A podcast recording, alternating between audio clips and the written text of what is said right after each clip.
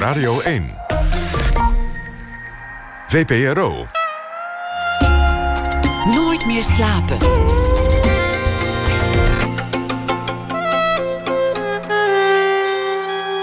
Met Pieter van der Wielen. Goedenacht en welkom bij Nooit meer slapen. Schrijfster Alma Matthijssen komt op bezoek na ene. Ze komt vertellen over haar nieuwe roman Vergeet de meisjes. Dat gaat over een journalist die met tegenzin naar een interview afreist met een schrijfster van wie die nooit een boek las. Maar de fascinatie zal vervolgens uitbreken. Een boek over een schrijfster met een bijzondere vriendschap. Katelijn Schilder schrijft een verhaal bij de dag die achter ons ligt. Maar komend uur praat ik met Cynthia McCloud. Sinds de bestseller Hoe duur was de suiker geldt ze als de grande dame van de Surinaamse literatuur. Geboren in 1936 als dochter van Johan Ferrier, die later de laatste gouverneur en de eerste president van het onafhankelijke Suriname zou worden. Zelf werd ze lerares en later werd ze ook uh, de vrouw van een ambassadeur in verschillende landen, want dat was haar man. Pas op haar vijftigste zou ze debuteren als schrijfster. Ze heeft inmiddels een mooi oeuvre aan veelal historische romans. Bij de tentoonstelling die morgen open gaat in de Nieuwe Kerk, We Have a Dream, over Gandhi, Mandela en Martin Luther King, heeft zij een kinderboek geschreven. De titel is No Quick in onze bos en het gaat over de gevolgen van de goudwinning in Suriname. Cynthia McLeod is uh, afwisselend woonachtig in Antwerpen en Paramaribo. Hartelijk welkom. Dank u. Wist, wist, je eigenlijk altijd al dat je, dat je hield van het vertellen van verhalen? Deed je dat altijd al? Oh ja. Als kind al? En iedereen in mijn omgeving wist dat. Dat ik kon schrijven en dat ik verhalen maakte vanaf ik een kind was. Wat, wat voor verhalen waren, waren dat? Oh, ik heb altijd geschreven verhalen. Nou, schrijf, schrijf een toneelstuk, maak de tekst van een lied en zo. Ik was een heel actief kind hoor, dus ik was in allerlei clubs en verenigingen. En iedereen in mijn omgeving wist dat dat is wat Cynthia doet. Ze schrijft. Ze schrijft verhalen. Ze schrijft toneelstukken. En uh, ja. Het was een kwestie van tijd voor je. Voor het je was gewoon vanzelfsprekend. Ik, ik was ook op school het kind van wie het opstel op het bord wordt geschreven of van wie het opstel wordt voorgelezen. Dat, dat vond iedereen vanzelfsprekend, ik zelf ook. Dan heeft het nog, nog, nog best lang geduurd voor, voor de eerste roman er kwam uiteindelijk. Achteraf ja, gezien. eigenlijk. Ja, ja, wel. Maar uh, ik heb eerst een heleboel andere dingen gedaan. En ik vertelde wel altijd verhalen. Ik was docent op. Uh, ik schreef toneelstukken. Overal waar ik kwam was ik de leider van de cabaretgroep. Uh, op de scholen waar ik gewerkt heb en ik maakte de toneelstukken. Ik heb uh, als lerares Nederlands heb ik uh, met mijn leerlingen een hele echte speelfilm gemaakt. ja, dat soort dingen. Het was er altijd al. Het was er altijd al, ja. Wat, wat voor meisje was je als kind? Heel actief. Altijd actief in de padvinderij en dingen doen. En ik heb ook heel veel vriendinnen nog van vroeger. Trouwens, we waren, ik niet alleen hoor, we waren hele actieve padvindsters die van alles deden, ondernamen. En, en eigenlijk in ons verdere leven altijd padvindsters zijn gebleven en bezig zijn met al, van alles te doen voor de gemeenschap. In die hele moeilijke tijd in Suriname, in de jaren tachtig, alles wat gedaan werd door vrouwen, kinderthuizen oprichten, mensen omvangen, zorgen voor ouderen, uh, mensen te eten geven, zo alles, al die sociale bezigheden waren allemaal oud-padvindsters. Allemaal mijn vriendinnen en ik, allemaal. Is, is dat de kern van de padvinderij? Iets, iets doen voor een ander? Ja, dat, dat is het hoofdthema. Dus je bent eigenlijk ook gewoon altijd een padvinder gebleven? Ja, en dat is ook dat is het motto van de padvinderij. Eens een padvinster, altijd een padvinster. Je blijft altijd een padvinster. En Tot... dus die vriendinnen die ik had toen ik 11, 12 jaar had, we zijn nog steeds hele goede vriendinnen. En, en we zijn ook een organisatie die heet Paveur, Padvinsters van eerdere uren. En we doen nog steeds heel wat voor de gemeenschap. Nog steeds. Toch was je jeugd niet alleen maar een idylle, want, want vrij jong moest je afscheid nemen van je moeder. Ja, ja dat is wel zo, ja. Je was zes jaar oud. Je Nou, moeder... toen, toen, toen mijn moeder ziek werd. Maar toen is ze nog niet overleden, maar, Maar toen ging ze wel al weg. ja. Naar het ziekenhuis, ja. Want, want zij had tuberculose. Ja. Wat, weet je daar nog van? Ja, ik had net leren lezen. Ik zat net een maand in de eerste klas. Dus ik had net leren lezen en schrijven.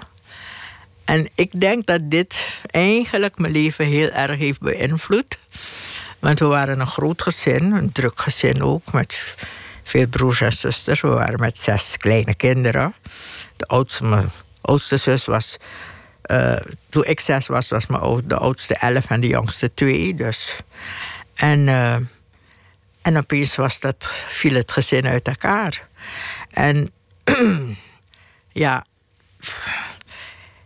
ik, ik denk dat ik als kind, als zo'n jong kind, gevlucht ben in boeken. In lezen en schrijven. Want opeens was mijn wereld een totaal andere wereld. Mijn huis was weg, ik had geen moeder meer. En eh, eigenlijk het hele gezin viel uit elkaar. Want mijn oudere broers en zusters gingen, moesten bij één grootmoeder gaan wonen. En een jongere broer en ik moesten bij een andere grootmoeder gaan wonen. Bij de grootmoeder, die de moeder was van mijn moeder. En die was zo verschrikkelijk verdrietig. En dat zag je als kind. En toch werd er niet met je erover gesproken. En dus het was een hele vreemde wereld waarin je terecht was gekomen. En natuurlijk, je miste je huis, je miste je moeder, je miste je broers en je zussen. Je miste alles. Dus de wereld van het boek was prettiger. Wat las je voor boeken? Alles. Alles Alles, wat je maar kon vinden. ik kon vinden. Ja. Ja, ja, ja. En dus ik heb heel vroeg heel veel gelezen. En dat maakte me natuurlijk ook een heel wijs kind. Want ik wist altijd alles al. Op school, als de juffrouw iets vertelde, dan had ik het al gelezen ergens. Je, je vader is, is later een heel belangrijk man ge- Ja. geworden voor de geschiedenis van Suriname. Ja, ja, ja. De- de- daar zouden we, zouden we drie uur over kunnen praten. Ja. Over wat die man heeft, heeft betekend. Maar hoe, hoe herinner jij hem? Wat was Nou, het voor vader voor jou toen? Hij was een geweldige, zorgzame vader. Natuurlijk, voor hem was het heel erg, dit. En eh, hij, hij leed ook natuurlijk eronder. En op een gegeven moment, vooral mijn oudste zus... die dus bij mijn eh, andere grootmoeder woonde... die was elf, dus zij was, voor haar was het veel erger. En die, die vond het verschrikkelijk dat ze haar huis kwijt was. En die huilde elke dag. En toen heeft mijn vader besloten dat, er iemand thuis zou komen die voor ons zou komen zorgen. En dat was een, een jonge tante van hem. En die is ook inderdaad thuisgekomen om voor ons te zorgen. Maar toen wilde de grootmoeder van mijn moeder... wilde mijn jongere broer en ik niet laten gaan. Nou, dat was natuurlijk een heel... Dat, je voelt het aan als kind natuurlijk, die spanning. Maar ehm, toen is er een soort oplossing bedacht. Dat we sliepen wel bij die grootouders. Maar elke morgen vroeg bracht mijn grootvader, mijn jongere broer en ik op de fiets naar ons eigen huis. Zodat we konden ontbijten aan de ontbijttafel van mijn vader met alle broers en zussen. En na school gingen we ook weer daar naartoe om daar te eten. En smiddags, tegen een uur of vijf zo, dan kwam het dienstmeisje van mijn grootmoeder ons halen en dan gingen we. Dus een heel vreemd leven, dus eigenlijk. Eigenlijk heel veel verschillende plekken die je Ja. thuis kon noemen. Ja, of die je geen van alle thuis kon noemen. Je vader was, was als politicus bekend omdat hij heel bevlogen kon spreken. Om- Ja. Omdat hij, dat hij mensen kon meenemen in een, in een beschouwing, in een vertelling, in een verhaal. Mijn vader was een geweldige verteller. Op school ook. Mijn vader was een. In Suriname, iedereen kende hem. Hij, als hij aan het woord was, dan, dan luisterde iedereen. En op school, mijn vader was leraar. Ik kreeg geen les van hem, want ik zat in een veel lagere klas. En hij gaf alleen in de hogere klasse les. Maar als er een leraar ziek was, dan, oh, dan zat de hele klas waarin ik zat, zat vol spanning te wachten over... gaat meneer Ferrier komen, want dan zou hij vertellen. En dan historisch vertellen. En dan zaten ze echt zo uit te kijken van... kom meneer Ferrier, kom meneer Ferrier. En als ze hem zagen komen, nou, dat was het geweldige feest. Meneer Ferrier komt en gaat vertellen. Dus uh, ja, mijn vader was een, een zeer bevlogen man. Maar niet alleen in het vertellen, ook in het dingen doen hoor. Mijn vader was een van de padvinderleiders. Die, en de padvinderij heeft toen, in de Tweede Wereldoorlog, heel veel betekend in Suriname. Toch weer die padvinderij, want, want hij kreeg een baan in, in Nederland, 1947. Ja. Toen verhuisde jij mee. nee, hem? ik ben twee jaar later gekomen. Mijn oudere broers en zusters zijn gekomen. En wij zijn, ik ben met de jongeren, wij zijn in 1949 gekomen. En toen Nou, kwam jij, jij kwam te wonen in Wassenaar. In Wassenaar. Ja. En toen waren er nog geen donkere mensen in Nederland. En eh, dat was natuurlijk ook heel bijzonder. Voor Enige herinner- donkere kind op de school. Hoe vond je dat? Leuk, prachtig. Geweldig. Leuke tijd was dat. Ja, ik herinner het me als een, als een hele leuke tijd. Zat je daar ook bij de padvinders? Ook natuurlijk. Ook bij de padvinderij, ja. Ja. En hoe reageerden mensen op jou? Want, je, want jij kwam uit de tropen, je zag er anders uit. Ja, nou, iedereen natuurlijk. Ik, opvallend. En, eh, maar dat was je dan al gewend. Hè? Dus eh, ik heb het nooit hinderlijk gevonden. Het was gewoon een heel leuke tijd hier in Nederland meteen voor jou. En, en je Ja, hier en, ook thuis. en, en eh, iedereen wil je vriendinnetje zijn, toch? Je bent het enige donkere kind in de klas, dus iedereen wil je vriendinnetje zijn. Ik had ook een heleboel vriendinnen. je ik was werd hier op alle populair. verjaarsfeestjes, ja. Ik werd op alle verjaarsfeestjes uitgenodigd. Je, je zou later lerares worden. Dat, dat Ja. is eigenlijk heel lang je beroep geweest. Dat heb je, heb je Ja. ontzettend lang gedaan. Ja. Met heel veel genoegen ook. Eigenlijk wilde ik niet hoor, maar goed. Want de hele familie van mij de, waren allemaal leraren en leraressen. Dus ik zei altijd, ik niet. Maar ja, ik ben het toch geworden. Dat, Ja. heb, dat heb je jaren en jaren gedaan. Ja. Maar, maar op een zeker ogenblik, om, omdat jouw echtgenoot... Ik, ik maak een grote stap in de Ja. tijd... Die, die werd steeds eh, Ja, die werd ambassadeur. in Venezuela, in de. Verenigde Staten, in Brussel. Ja.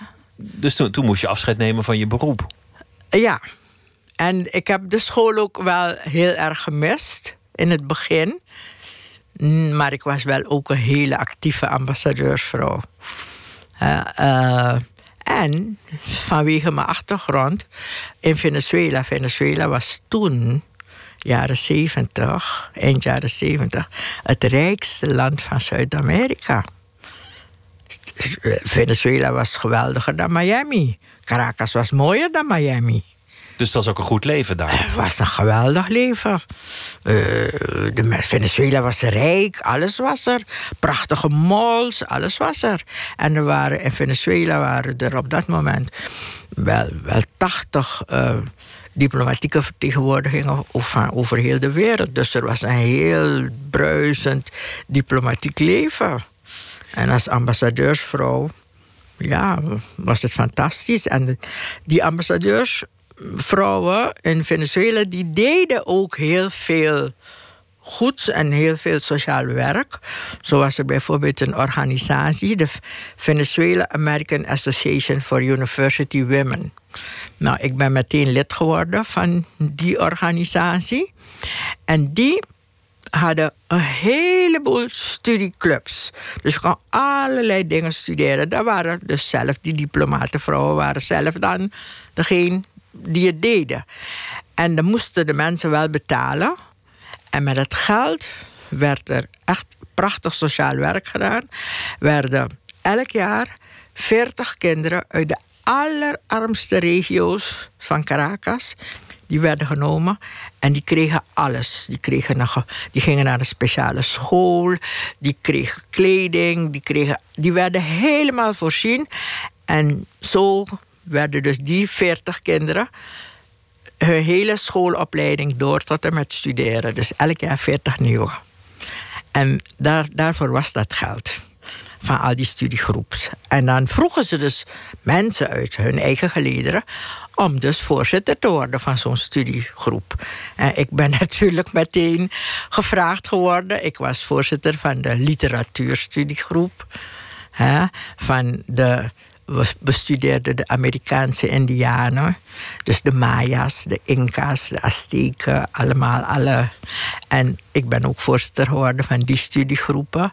Dus ik was heel erg actief. dit, dit was ook de tijd dat, dat jouw vader president was van, van Suriname. Ja, ja. Was je trots op hem dat hij, dat hij het zo ver heeft gebracht? Oh ja, natuurlijk, ja. Ja, zeker. Had je toen veel contact met hem? Natuurlijk, heel veel. Nog voordat ik uit Suriname wegging, ja, heel veel contact. Ik, elke dag praktisch. Niet toen ik in Venezuela was, maar ja, we hadden heel veel contact. We woonden in dezelfde stad, dus dat is niet zo moeilijk in Suriname. Ja. Maar toen ik in Venezuela was, ja, we hadden altijd contact met mijn vader.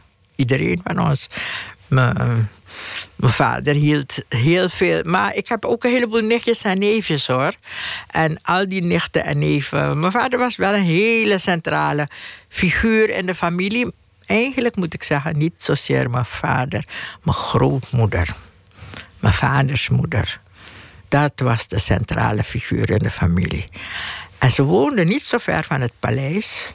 En mijn vader liep elke dag naar zijn moeder. Twee keer per dag soms. Om even thee te drinken? Ja, en een babbeltje met haar te maken en te zien hoe het met haar was en zo. En de rest van de familie, die minstens één keer in de week gingen we naar die grootmoeder. Mijn grootmoeder wilde in ieder geval altijd op elke zaterdag wilde ze al haar kleinkinderen, achterkleinkinderen zien. En ook, ze woonde dicht bij het scholencentrum. Dus heel veel achterkleinkinderen verzamelden s morgens, werden door hun ouders afgezet, door de kleinkinderen dus afgezet, bij die grootmoeder. En dan gingen ze van daaruit naar school. En na school kwamen ze weer allemaal bij die grootmoeder, die dan voor die haar speciale groente klaar had, en voor die het fruitsapje, en voor die dat, en voor allemaal zorgde.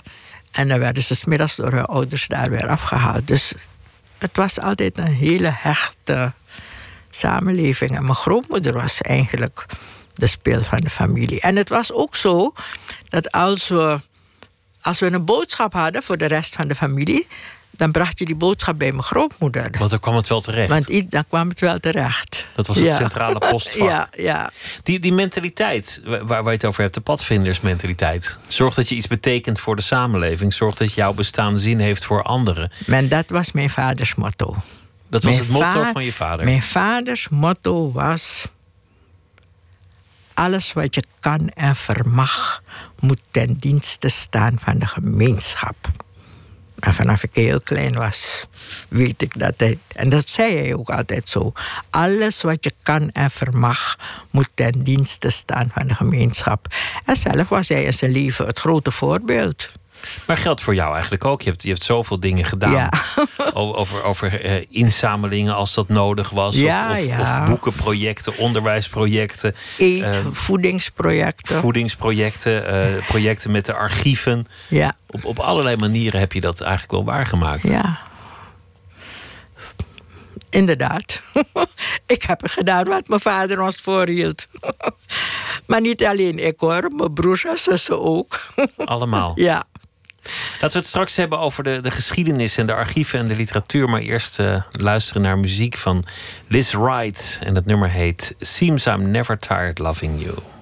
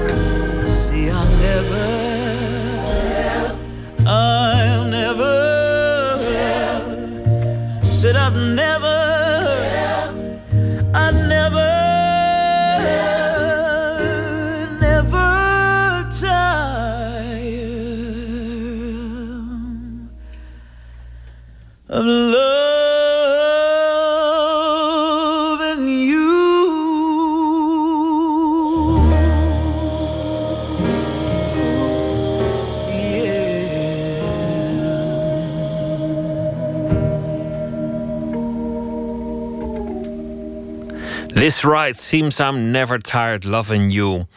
Nooit meer slapen in gesprek met Cynthia McLeod. Naar aanleiding van een eh, boek voor kinderen dat ze heeft geschreven. No Kwik in ons bos. Over de goudwinning in Suriname. Je zei dat je als, als kind alles las dat je, dat je kon vinden. Waar je hand op kon leggen. Dat, dat ben je altijd blijven doen. In het bijzonder de geschiedenis heeft je altijd gefascineerd. Ja, de geschiedenis heeft me heel erg gefascineerd. Omdat we er zo weinig over leerden. In Suriname In leerde je weinig. Over, nou, nee. In Suriname over Surinaamse geschiedenis. We leerden alles over Nederland. Alles over de Hoekse en de Kabeljauwse twisten. En alles over eh, de 80-jarige oorlog en zo. We hadden hele dikke boeken over vaderlandse geschiedenis. Maar het Surinaamse geschiedenisboekje was zo plat. En ja, je- als kind... eh, ik wilde me een voorstelling maken van hoe het leven was in de slavernij. En het was heel erg moeilijk. Hoe het was. En er, het was heel erg moeilijk, dat kon ik haast niet. Terwijl dat natuurlijk een groot deel van de geschiedenis van Suriname is. Het land is min of meer voortgekomen uit ja, het land is slavernij. helemaal. Het eh, is een product van de slavernij. Ja. Als, als er geen slavernij was geweest, was Suriname er ook niet. Suriname is echt het, het product. Ik, we, we, speelden dat altijd. Als je Surinamers zeggen toch altijd, vragen altijd aan mensen: wie is je vader, wie is je moeder? Nou, als je aan Suriname zou vragen wie is je vader, wie is je moeder, dan moet Suriname antwoorden: mijn moeder is slavernij en mijn vader is Nederland. Dat is Suriname. Ja. Dus eigenlijk ben je boeken gaan schrijven die je zelf wilde lezen. Je bent gewoon iets gaan maken dat er niet was, Ja, maar waar je zelf ja, behoefte aan had. Vooral dat. Hè? Ik heb mijn hele leven heb ik zoveel mogelijk alle vragen die ik had al vanaf vroeger proberen antwoord op te vinden. Ja, maar hoe was dat en waarom was het zo en zo? En als lerares Nederlands, ik heb nooit geschiedenis echt gestudeerd, als lerares Nederlands, ik gaf les in de bovenbouw van VWO, had ik natuurlijk leerlingen die geschiedenis hadden in hun vakkenpakket. En elke keer zag ik weer dat ze absoluut geen flauw idee hadden van de Surinaamse geschiedenis. En, ik, ze kwamen ook met heel veel vragen bij mij. En ik vertelde dan hoe het was. En legde ze dingen uit en vertelde. En de hele klas luisterde. En iedereen wilde weten. En ze, tenslotte was het zo dat ze de klas binnenkwamen met de vraag: Juffrouw, gaat u ons vandaag weer vertellen? En dan zeg ik altijd: eerst moeten we doen wat we moeten doen. En als er dan nog tijd is, dan ga ik vertellen. En dat deed ik ook. En al ging de bel van de pauze, niemand ging weg. Juffrouw, vertelt u verder, vertelt u, maar hoe was dat? En zo. En het zijn die leerlingen die mij geweldig hebben gestimuleerd om te gaan schrijven. Omdat je Die- dacht, als die het zo graag willen horen, zijn er vast meer mensen die, die Ja, maar zij hebben horen. me ook erg gestimuleerd. Juffrouw, alles. Waarom bleef u niet thuis? Alles wat u ons nou vertelt, moet u schrijven in boeken. U moet schrijfster worden. U moet niet weer op school komen om les te geven. Blijft u thuis, dit is veel belangrijker. En dan zeg ik altijd tegen ze: Ja hoor, jongens. Als ik met pensioen ben, dan ga ik schrijfster worden. nou, maar het lot was gunstig, want mijn man werd ambassadeur. Dus voordat ik de pensioengerechtigde leeftijd had bereikt, mocht ik me al gedragen alsof ik met pensioen was. En, en was er tijd om, om te gaan schrijven? Nou, in Venezuela niet, want ik had een verschrikkelijk druk leven. Maar het heeft wel gemaakt dat ik wel precies wist wat ik wilde gaan doen en gaan schrijven. Want wat ik nog wilde weten. En toen we naar Brussel kwamen, was dat natuurlijk geweldig. Want daardoor was ik dicht bij het Rijksarchief. En kon ik alles wat ik nog niet wist gaan opzoeken in het Rijksarchief. En dat heb ik ook vanaf toen gedaan Alles gaan zoeken in die, in die in archieven. de archieven. Maar het is, het, is een, En, een en, je, je raakt er nooit meer af. Hè? Als je eenmaal daaraan begint, het is, is de ergste verslaving die je kan hebben. Je laat het nooit meer los. Ik heb dus vanaf toen heel veel in archiefonderzoek gedaan. In allerlei archieven. Het is wonderlijk wat, hoeveel er te vinden is over die periode in Oh de, ja, in de alles. Nederlandse archieven. Alles, meneer, alles. Heel veel. Heel veel. Maar ook gruwelijke dingen. Natuurlijk. Natuurlijk, gruwelijke dingen. Dat- dat heeft me zo Alles ge- over slavernij. En in de Nederlandse geschiedenis komt slavernij praktisch niet voor. Maar, en slaventransporten en hoe dat ging met, met, met eh, het, het vervoer van slaven en, en de slavenhandel. Maar in het, in het archief in Middelburg, het scheepvaartarchief in Middelburg, wordt elk journaal van alle slavenschepen bewaard. Dat, dat, het scheepvaartarchief van Middelburg is vol. En elk slavenschip had drie journaals. En het journaal van de kapitein, het journaal van de opperchirurgijn en het journaal van de boekhouder. En als je die drie archieven zo naast elkaar legt, die drie boeken of schriften, en je leest dat precies, nou dan kan je precies zien hoe dat schip wordt klaargemaakt voordat ze vertrekken, wat ze allemaal doen, hoe eh, het personeel wordt aangenomen, hoe het schip gaat varen, hoe het schip wordt verbouwd hè, om, om de logies te hebben voor de slaven, hoe er precies wordt uitgemeten hoe groot die ruimtes moeten zijn. hoe ze aankomen in Afrika, hoe die handel gebeurt. Je kan het allemaal, te, allemaal terugvinden hier in Holland. En dat heb ik gedaan. Maar ook de archieven van de, de plantages later. Ja, Wat ik zo ja. wonderlijk vind, is dat, dat, dat daar gruwelijke dingen gebeuren, maar dat ze ook worden genoteerd. Dat je iemand stokslagen geeft en dat je dat netjes noteert. Ja, ik zal u zeggen, dat, dat was een van die echt eh, ja, dingen die ik. Ja, die echt misschien verwonderlijk zijn, maar die toch wel nodig waren dat, dat het geschreven is. Dat zeg ik ook altijd aan mensen. De Hollanders hebben de naam gekregen dat ze de meest solidarische slavenmeesters waren in de wereld. De Hollanders hebben de naam gekregen dat ze de meest solidarische slaven-eigenaren waren. Zo erg dat als een slaaf zich misdroeg op Barbados, hoefde die eigenaar alleen te zeggen: Ik verkoop je aan Suriname. En dan liep die slaaf weer netjes in het gareel.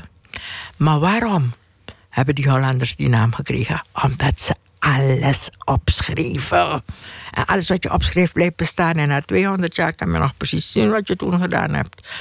Al die gruwelijke dingen. Ik heb een keer iemand op het podium horen vertellen. tijdens een of ander festival. dat het niet waar was, al deze gruwelijke dingen. Is het hele, dat iemand per ongeluk heeft getekend een keer een haak. En daaraan een slaaf die daaraan zou zijn opgehangen. Per ongeluk getekend, want het was nooit gebeurd. Maar ik heb die brieven zelf gevonden. Ik, kan u precies zeggen welke gouverneur. Gouverneur Karel Emilius de Geuze. Die in Suriname gouverneur was van 1928 tot 1933. Die man heeft een heleboel van die gruwelijke straffen bedacht. En die heeft ze allemaal opgeschreven. En ook in keurige brieven geschreven. Aan de directeuren van de sociëteit, de eigenaren van de kolonie. En er elke keer bij gezegd: ja, deze straffen, dit heeft hij allemaal uitgedacht. En die worden zo gegeven, want dat is als, om als exempel te dienen. Tot voorbeeld te strekken. Dus het is niet alleen dat de Nederlanders gruwelijk waren, maar ook dat ze de meeste administratiedrift hadden Ja. van alle slavenhoudende Ja, landen. Ja, ja. want misschien waren die Fransen en die Engelsen ook redadig, maar hebben ze het niet opgeschreven. Dat Hoe is, voor, hoe is het voor jou om dagenlang in die archieven te zitten en al die gruwelijkheden steeds weer te lezen en steeds weer tegen te komen? Mensen die de geslachtsdelen worden afgezaagd, de borsten die bij leven en welzijn worden geamputeerd. Hoe is het om, dat, om, om daarin te zitten in zo'n archief en dat dagenlang? Nou, dan weet je dat het waar is. Dat het echt gebeurd is en dat het geen mythe is. Hè, als je dat zo opgeschreven ziet door. want er zijn ook mensen die willen beweren dat het een mythe is. Maar dan zie je dat het echt waar is. Laat me erbij zeggen. eh, ik word niet boos erover. Ik persoonlijk. Want de geschiedenis is de geschiedenis. Het is gegaan, ja, op een bepaalde manier. Boos zijn zou geen enkele zin hebben, want ik kan er toch niks meer aan veranderen. En ik ben een vrouw van 80 jaar.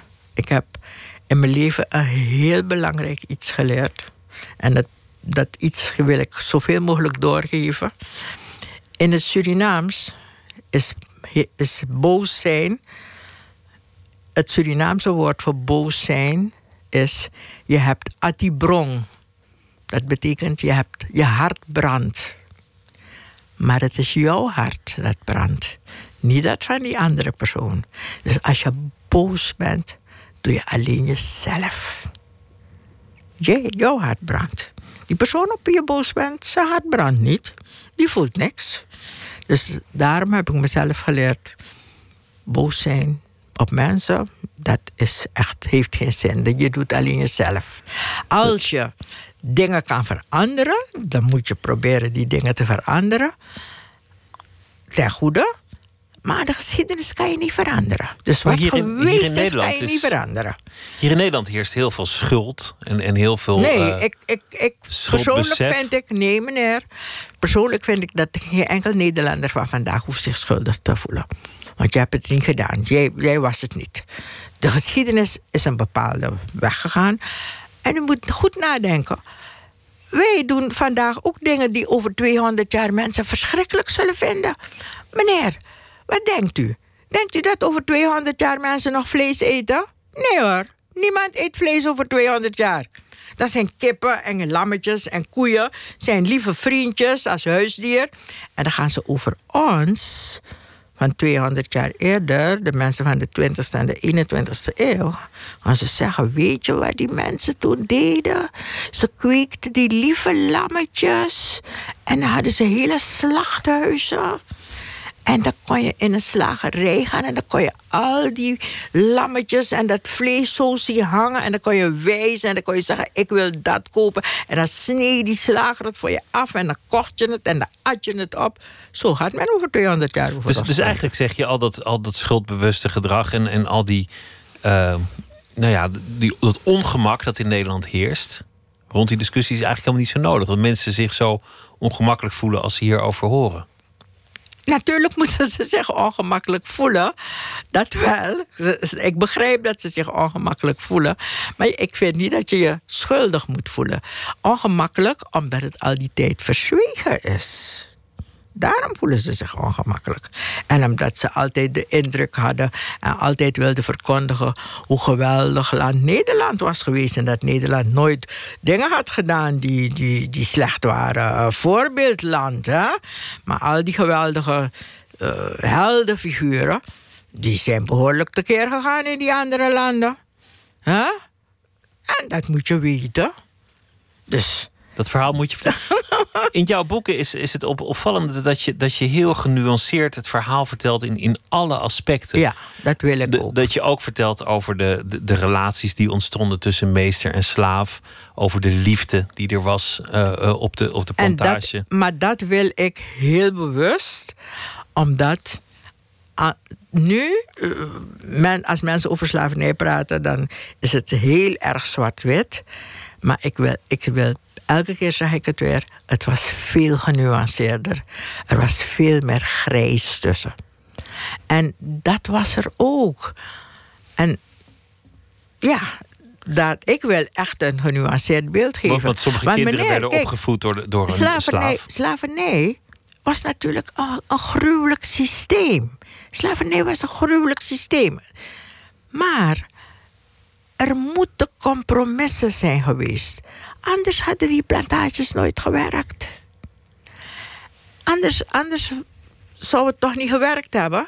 En er moeten manieren gevonden zijn om, om dat te kunnen doen.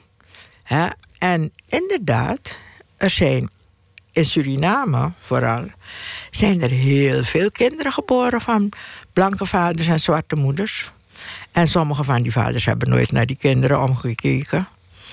Maar heel wat van die vaders hebben zich als keurige vaders gedragen. Hebben die kinderen vrijgekocht, hebben soms die moeder vrijgekocht voordat het kind geboren was. Dat vind je allemaal in de archieven. Ah, die kleurlingenlaag is de laag die het snelst is gaan groeien.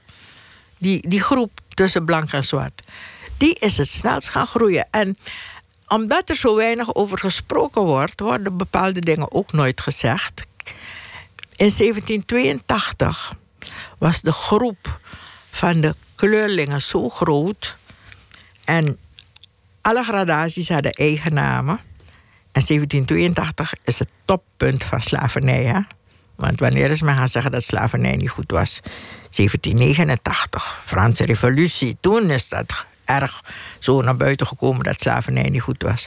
Maar in 1782 heeft de koloniale overheid in Suriname een wet aangenomen... waarin ze dus zeiden dat ze voortaan... zouden ze een heleboel van die gekleurde kinderen als blank beschouwen. Dat is in Suriname gebeurd, maar nooit in Amerika. In Amerika, als je 5% negerbloed hebt, ben je zwart. Al ben je blank met blond haar. In Suriname niet. Dus het, eh, dat is alleen maar om aan te geven dat het veel genuanceerder is dan we vandaag aan de dag denken. Misschien is dat ook wel een gevolg van dat die geschiedenis niet werd onderwezen, zoals je zelf vertelde, of dat er weinig over te vinden was over de Surinaamse geschiedenis. Maar Dat- en in Nederland krijgen. helemaal niet onderwezen. In Nederland kwam het helemaal niet voor, terwijl het een deel is van de Nederlandse geschiedenis. En dat, dat wilde ik wel. Dat wilde ik wel bereiken. Dat de Nederlander zich bewust zou zijn van dat het een deel is van zijn geschiedenis. Het is niet alleen onze geschiedenis, het is ook Nederlandse geschiedenis. Ja, en dat je helemaal niet verbaasd moet zijn over grote groepen Surinamers en Antillianen die hier zijn. Want dat is gevolg van het feit. Je hebt altijd actie en reactie. Dat is het gevolg van het feit dat Nederland zich zo gedragen heeft. Dat Nederland mensen heeft gebracht naar een land in Zuid-Amerika om daar als slaaf te gaan werken.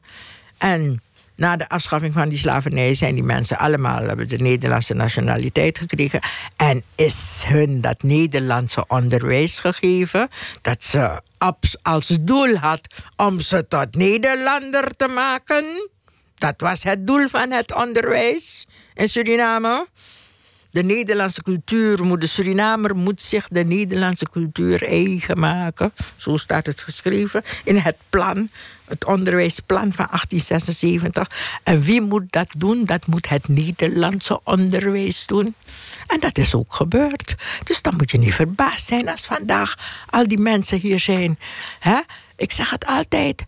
We hebben niets anders geleerd dan hoe geweldig Nederland was. En dat je één streven maar moest hebben. En dat is volkomen een Nederlands gedrag hebben.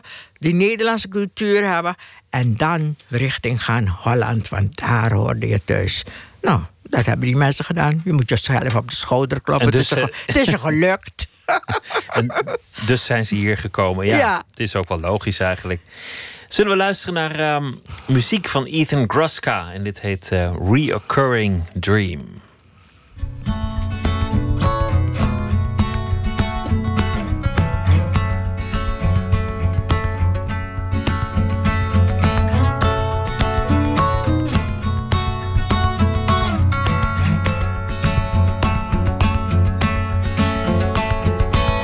Heaven help me, I don't understand.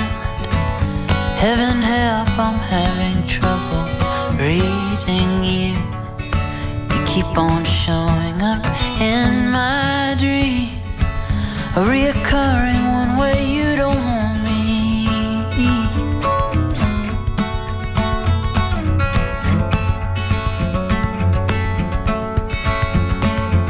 And it's no surprise if you don't understand. If you're blindsided, I'd have trouble blaming you.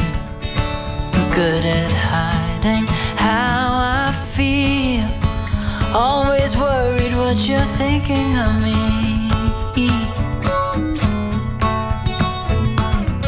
And reading your mind is never gonna yield an answer. Why don't I learn my lesson? Most of the time, it's just uneducated guessing that just leads to depression.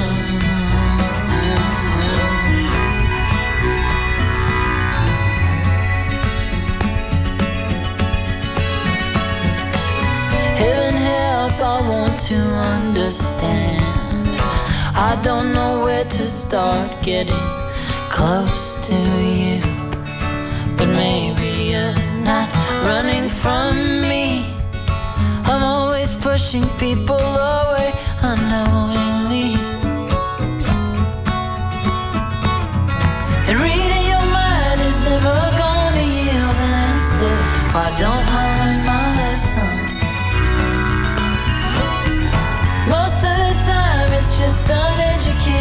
guessing that just leads to depression. Uh-huh.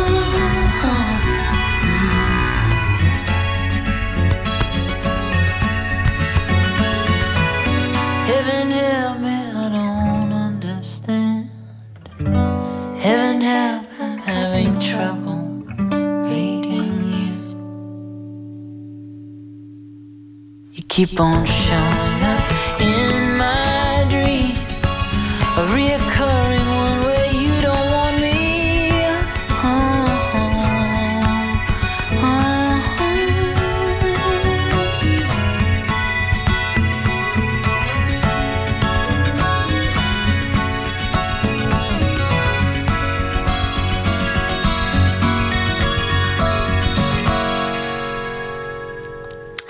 Ethan Groska was dat, uh, die samen met zijn zus ook een uh, muzikaal duo vormde.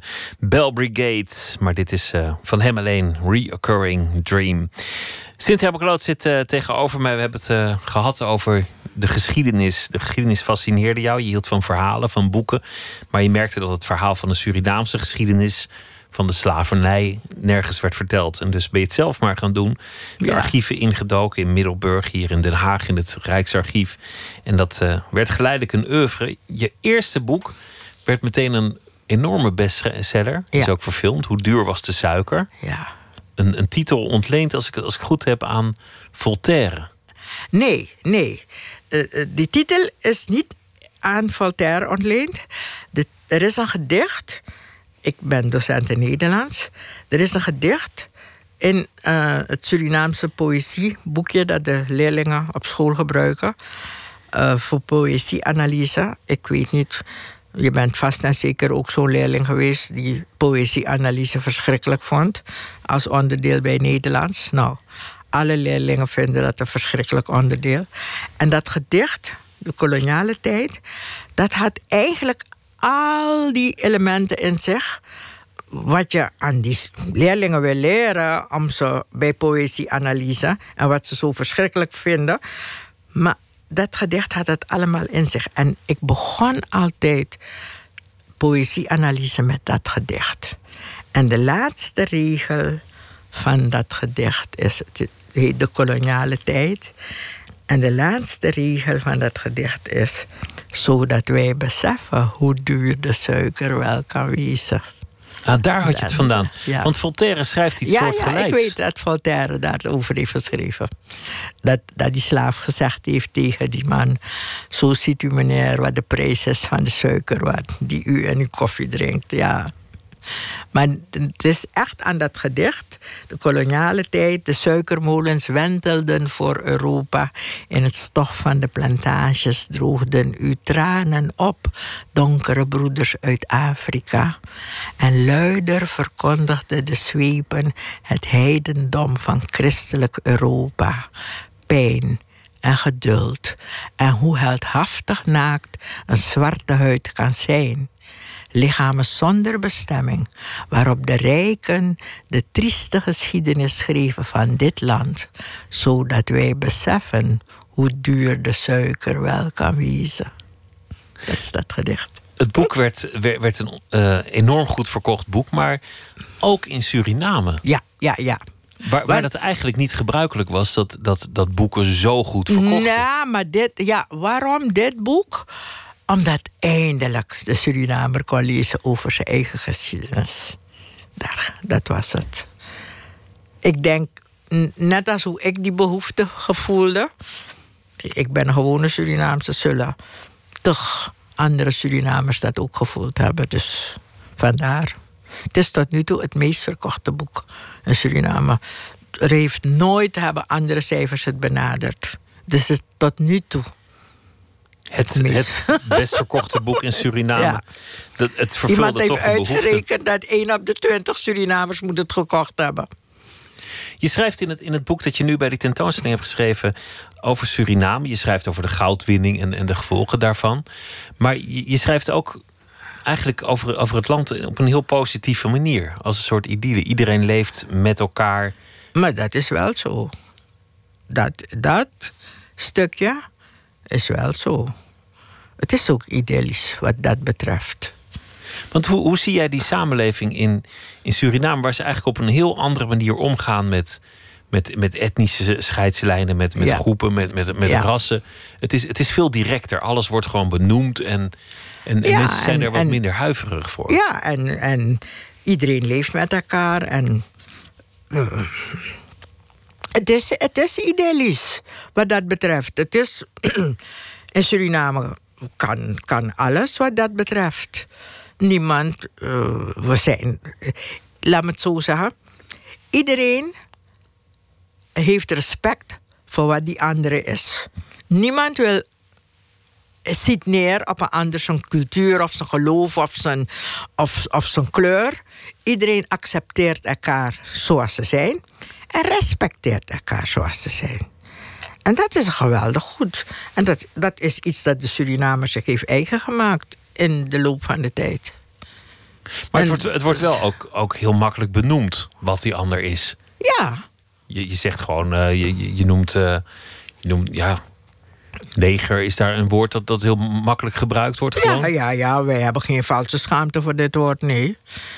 Die, ja, gewoon. Het, het komt ook in het Surinaams voor. Een heleboel woorden in het Surinaams eindigen op neger. Kinderen zijn pi- piki-nengre, pchi-nengre, kleine negers. Een stevige iemand, een flinke meneer, zelfs al is hij wit, dan noem je hem een bassi-nengre, een stevige kerel. Ja, je kan het benoemen, je hoeft je er niet voor te schamen. Het is zo. Mooi. Is dat misschien omdat, Ook in één familie hoor. Huh? is dat misschien omdat niet één groep de, de macht heeft of de sterkste is? Dat is het. Er is geen dominante groep. We zijn allemaal minorities. Dus kan, je geen- dus kan je alles ook wel gewoon zeggen, want iedereen is ongeveer Ja, in dezelfde positie. ja. En, en niemand doet er moeilijk over. Eh, die is Hindustan, ja, leuk, gezellig. En die Javaan, oh ja, mooi, prachtig. Zitten samen op school in de klas. En als jij feest hebt, kom ik bij jou. En als jij, ik feest heb, kom jij bij mij. Klaar? Je woont er nu het grootste deel van de tijd weer in, in eh, Paramaribo. Ja. Hoe, hoe, is je, hoe is je leven eigenlijk nu? Want, want je, Oh, verschrikkelijk druk, meneer. ja, Voor een vrouw van nog. mijn leeftijd. ja. Je, je, je bent je man verloren in 1991. Ja. Dat, dat moet uiteraard een, een enorme zware tijd zijn geweest. Ja. Ja. Maar het, lijkt erop van, van buitenaf alsof, alsof, je, als- alsof je leven daarna alleen maar drukker is geworden. En, Is het ook, want eh, toen mijn man overleed, toen, we waren toen in België voor de tweede keer. En ik had een heel groot programma aan voorlichting van Surina over Suriname. Want de Vlamingen zijn erg geïnteresseerd in Suriname. Dat heeft allemaal te maken met hun eigen politiek natuurlijk. De Vlamingen wilden niet hebben dat hun ontwikkelingsgeld ontwikkelingssamenwerking geld ging naar een Frans sprekend land. Nou, er is maar één Vlaams sprekend land, Suriname. Dus, hè? Dus de Vlamingen erg geïnteresseerd in Suriname.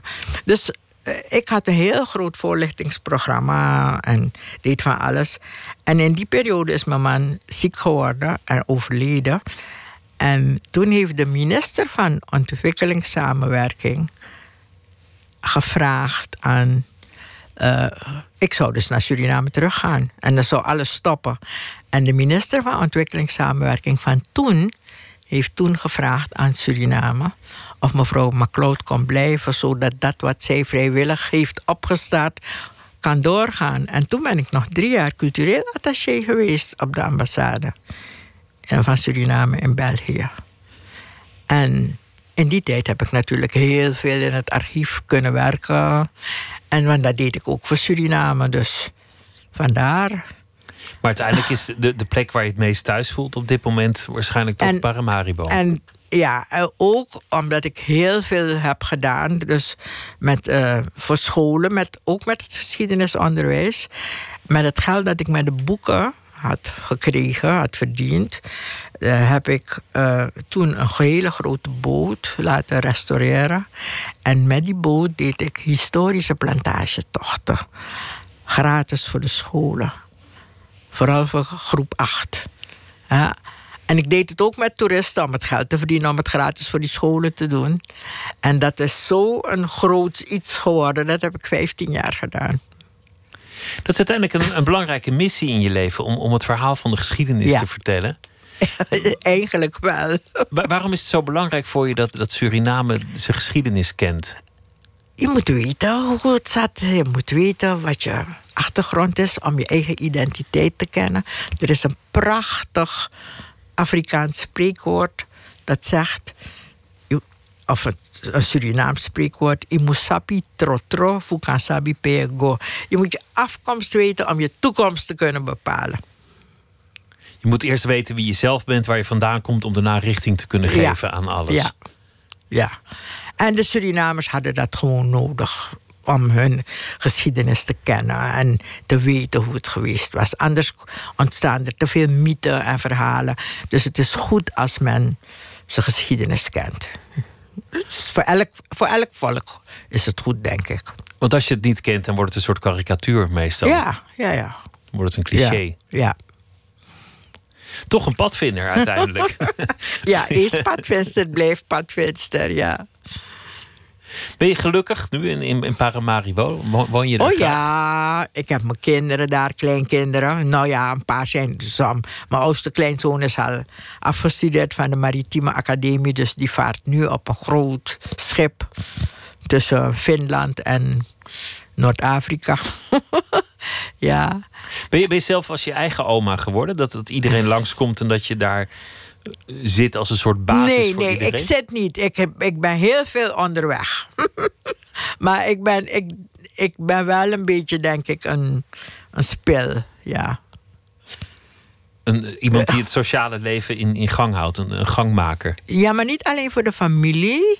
Ik doe heel veel dingen. Ik, ik heb pas, eh, ik doe tours met, eh, ik breng toeristen naar Jode Savannah, naar Bergendal. En, en ik geef ook heel veel lezingen en ik word heel veel gevraagd eh, bij instellingen om te komen vertellen over de geschiedenis of over een bepaald onderwerp. Dus ik ben, ik ben wel heel erg bezig, ja, soms te veel. Dankjewel dat je te gast wilde zijn. En ik noem nog even de tentoonstelling die morgen opent in uh, Amsterdam, in de Nieuwe Kerk. We Have a Dream over Gandhi, Mandela en Martin Luther King. En daarbij is een kinderboek geschreven. Dat heet uh, No Kwik in ons bos, waarin alle drie deze heldhaftige mannen uit de geschiedenis ook uh, worden genoemd. Cynthia McLeod, dank je wel. Het was me genoegen om met je te praten. Dank. Dank je. Zometeen uh, gaan we verder met Nooit meer slapen. En dan komt Alma Matthijssen op bezoek. Vanwege haar nieuwe boek Vergeet de meisjes. Katelijn Schilder heeft een verhaal bij de voorbije dag. En nog veel meer dingen. Twitter, het VPRO NMS. En we zitten ook op Facebook. En u kunt zich abonneren op de podcast. Via iTunes of de website van de VPRO. VPRO.nl slash Nooit meer slapen.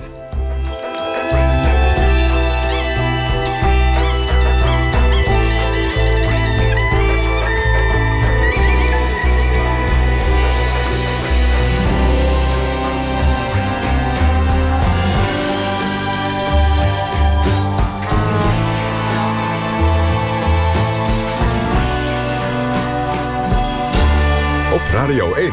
Het nieuws van alle kanten.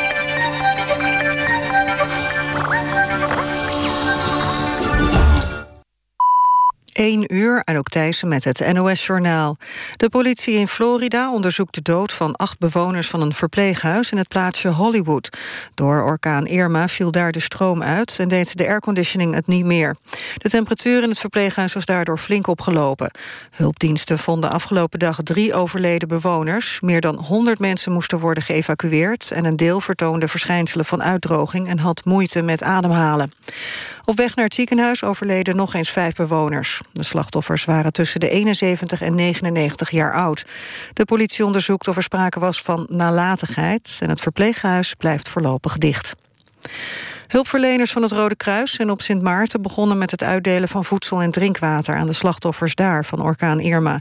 Voor sommige gezinnen begon de tijd te dringen, zegt de hulporganisatie. Eerder op de dag is vanuit Nederland een vliegtuig richting Curaçao vertrokken met acht ton hulpgoederen aan boord. Een kwart van de ouderen in een verpleeghuis komt naar eigen zeggen zelden of nooit buiten, blijkt uit onderzoek van het Sociaal en Cultureel Planbureau. Dat kan komen omdat er niemand is die de ouderen kan halen of brengen, maar ook gezondheidsproblemen werpen een barrière op. De ouderen die weinig buiten komen, krijgen ook minder vaak bezoek.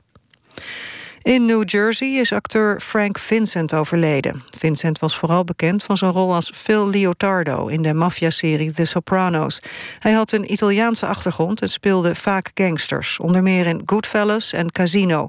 Ook was hij stemacteur in de videogameserie Grand Theft Auto. Frank Vincent was 78 jaar. Voetbal, Feyenoord heeft zijn eerste wedstrijd in de Champions League kansloos verloren. In de Kuip werd het tegen Manchester City 4-0. Al na minder dan een half uur stond Manchester met 3-0 voor. Het was de grootste thuisnederlaag van Feyenoord in Europa ooit. Het weer, vannacht koelt het af naar 10 graden. Komende dag trekken er veel buien over het land... en is het met maximaal 15 graden vrij koel. Dit was het NOS Journaal. NPO Radio 1. VPRO. Nooit meer slapen.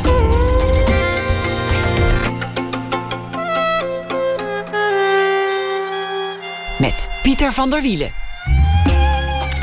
Dat uh, koffiedekseltjes en trapleuningen ook best interessant zijn, dat bewijzen Kirsten Algera en Ernst van der Hoeven van het tijdschrift McGuffin. Ze hebben een tentoonstelling gemaakt voor het nieuwe instituut in Rotterdam, Finders Keepers. En dat is een aaneenschakeling van alledaagse voorwerpen uit collecties van kunstenaars en verzamelaars over de hele wereld. Zometeen een uh, gesprek over de schoonheid van het alledaagse. Alma Matthijssen komt op bezoek. Ze heeft een nieuw boek, Vergeet de Meisjes. En Katelijn Schilder maakt een verhaal bij de dag die voorbij is. Maar uh, eerst uh, nog een bericht van vandaag.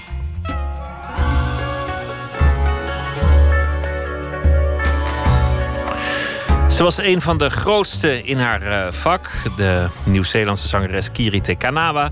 Een van de grootste operasterren ter wereld. Nu heeft ze aangekondigd met pensioen te gaan op haar 73ste. Een van haar collega's en bewonderaars heb ik nu aan de telefoon. Sopraan Francis van Broekhuizen. Goeienacht. Goedenavond, goeienacht. Ja, inderdaad. Wat een, wat een ja. toestanden zo weer in de nacht. Maar ook wel weer gezellig natuurlijk. Ja, goeienacht. Zeg, um, voor, ja. voor mensen die misschien niet de deur plat lopen bij de opera... die kunnen nog steeds Kirite Kanawa kennen. Onder, onder meer van het huwelijk van, van Charles en Diana.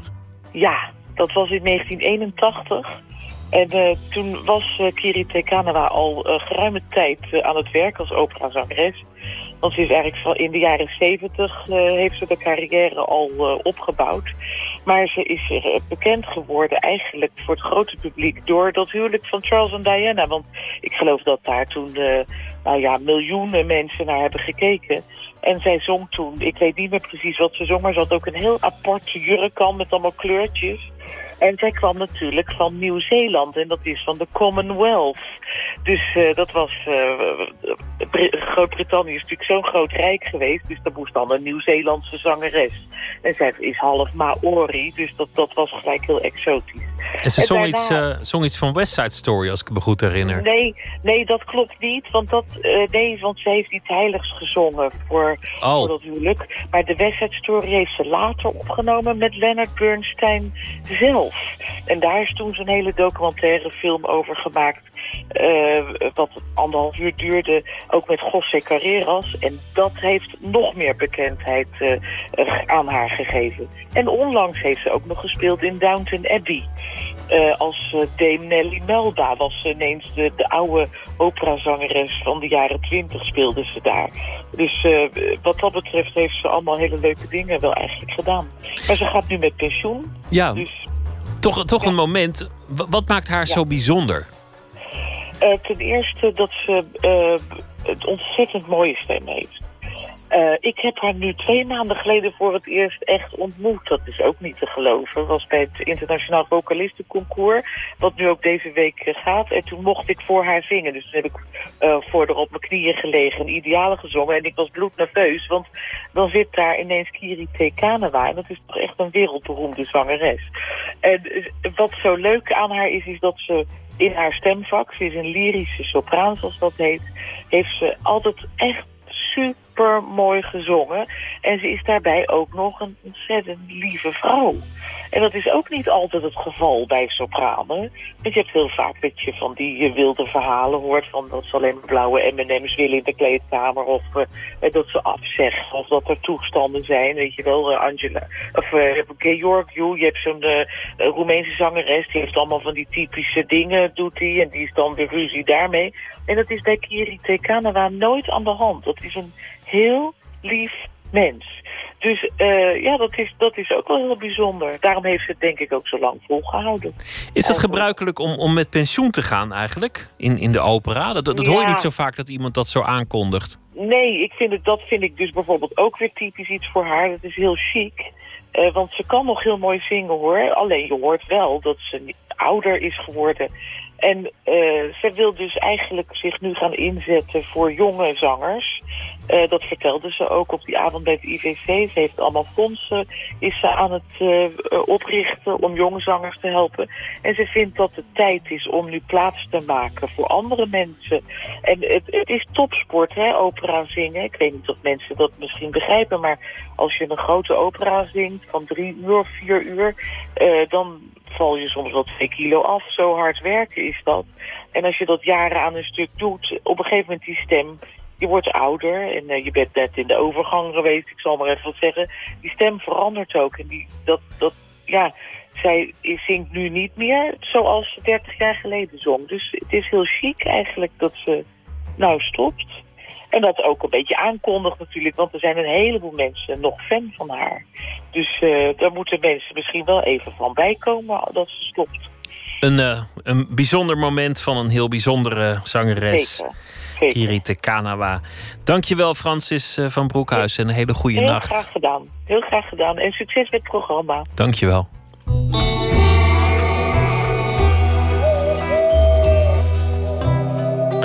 Een duo uit Engeland. De naam is Girlhood en het liedje heet Bad Decisions.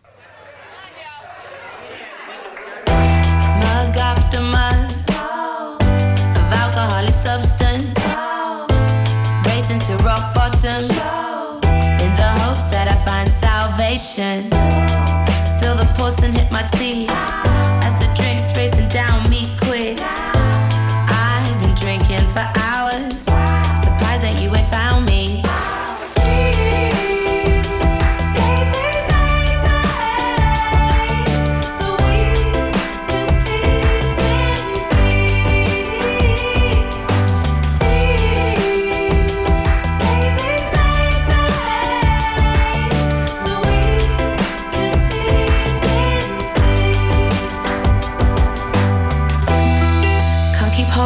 time.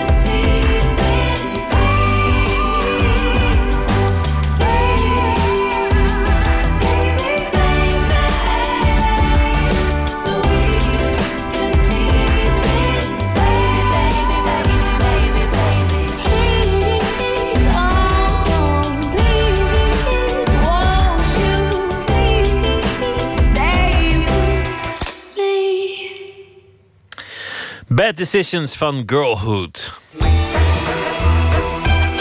Nooit meer slapen. Kirsten Algera en Ernst van der Hoeven van het prijswinnende tijdschrift McGuffin hebben een fascinatie voor het ontwerp en de verhalen achter alledaagse gebruiksvoorwerpen. Ze kunnen zich helemaal verliezen in een gootsteen of in een raam. En ze hebben nu een tentoonstelling gemaakt, Finders Keepers, voor het nieuwe instituut in Rotterdam. 5000 alledaagse voorwerpen, maar dan ontleend aan collecties van kunstenaars en verzamelaars over de hele wereld. En Nicolaou die praat met Algera en van der Hoeven over wat er zo interessant is aan een collectie plastic koffiedekseltjes of een eh, trapleuning.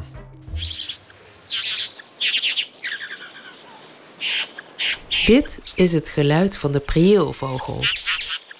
De mannetjes maken met takjes kleine priëlen die ze vervolgens versieren met verzamelingen gekleurde dingen. Bessen, bloemetjes, stukjes plastic. Dit alles natuurlijk om het vrouwtje over te halen tot paren. De tentoonstelling Finders Keepers opent met een serie video's over de prieelvogel. Alsof de makers maar willen zeggen: verzamelen zit in de natuur. Ja, ik denk het wel. Ik denk, eh, we hebben het uit laten zoeken. Ik geloof dat een derde van, van, van de mensheid echt serieus verzamelt. Ik dacht altijd dat ik een groot verzamelaar was. Maar als ik het nu vergelijk met sommige van de mensen die meedoen aan deze tentoonstelling, dan, ja, dan moet ik dat echt zeker relativeren. De benedenruimte van het nieuwe instituut is momenteel bedekt met wat bijna een landschap aan verzamelingen is. Verzamelingen doodnormale voorwerpen. Scheermesjes, bakstenen, vliegenmeppers, trapleuningen, kleerhangers. In keurige rijtjes liggen ze uitgestald in de ruimte. De voorwerpen zijn zo ordinair dat je ze normaal nog geen blikwaardig zou keuren. Maar door die museale context zijn ze opeens grappig. Neem bijvoorbeeld die kleine maar fijne collectie spatiebalken. Of blijken ze plots een heel eigen schoonheid te bezitten. Zoals die plastic koffiedekseltjes. En deze onooglijk kleine houten krukjes, bastard chairs, bastaardstoeltjes worden ze genoemd, zijn toch eigenlijk wel ontroerend zo bij elkaar. Dit zijn allemaal kleine zelf gefabriceerde krukjes en stoeltjes uit Hongkong. En ehm, eh, die zien er allemaal heel krakmikkig uit, maar ze doen het toch. En die zijn verzameld door Michael Wolff. Ehm, en ik denk dat zo'n verzameling een heel mooi voorbeeld is van wat verzamelingen vaak zo interessant maakt. En namelijk als je ze alleen ziet, dan is het niet zoveel. Maar als je ze bij elkaar ziet, dan is het opeens een serie. Ehm, en dan wordt het bijna sociologie. Ja, misschien is het goed om te zeggen dat hij deze heeft verzameld in de back alleys van, van Hongkong. Dus echt de, de, de stegen in Hongkong. Dus je ziet, eigenlijk is het een belichaming van het straatleven in, in China. Op een of andere manier ontroeren ze. Hoe kan dat? Ja, ze zijn bijna menselijk. Hè? Want je, je ziet gewoon hoe ze gemaakt zijn. En je ziet ook bijna degene die erop uh, heeft gezeten. Het is natuurlijk ook een ode aan het, uh, aan het niet bedoelde. Aan het, aan het, aan het zeg maar no-name design. Dus, het is, het, het, ja, dus er zit geen naam van een grote maker achter. Of een designer.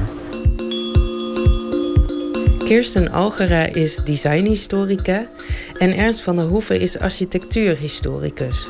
Samen maken ze MacGuffin, een magazine over alledaags design en de verhalen van dingen. Zo maakten ze bijvoorbeeld een nummer over het bed, het raam en de gootsteen. Wij kwamen allebei uit de designwereld en vonden dat heel raar dat uh, design gaat over nieuwe dingen en over innovaties en over uh, lampen en vazen en weet ik wat. En niet over ja, die dingen die je elke dag gebruikt, maar waar je nooit goed naar kijkt eigenlijk. En die heel vaak ook niet door een beroemde ontwerper zijn gemaakt, maar door een anonieme uh, ambachtsman. Van het duo is Van der Hoeven de verzamelaar. Zo heeft hij een collectie op straat gevonden geruite zakdoeken. En een collectie ouderwetse mattenkloppers.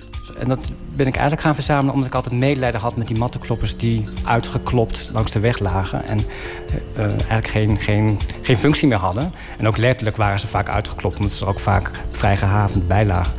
En die ben ik gewoon gaan meenemen, ook omdat ik een heel mooi symbool vond. Als kind heb ik heel veel naar Van Coot in de Bie gekeken. En ik vond dat dat een prachtig embleem. Dat, ja, die mattenklopper. Als kind was ik al gegrepen door zo'n abstract symbool voor zo'n, ja, of zo'n simpel symbool voor zo'n programma. Dat vond ik eigenlijk al, heel, heel, heel goed gekozen. En wat ik ook heel mooi vind, is dat het uit één stuk gemaakt was. Wat opmerkelijk is dat je net zei, uh, ik vind die mattenkloppers ook altijd een beetje zielig. Alsof ze een ziel hebben, alsof die dingen een karakter hebben.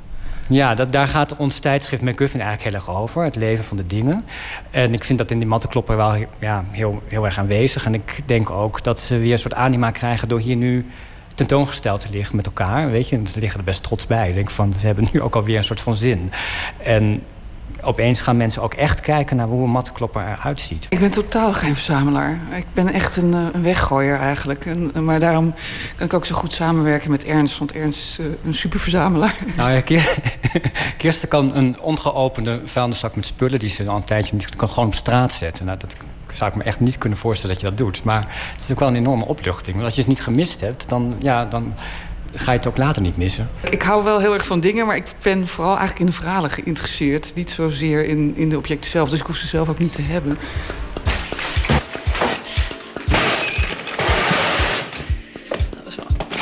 Echt waar.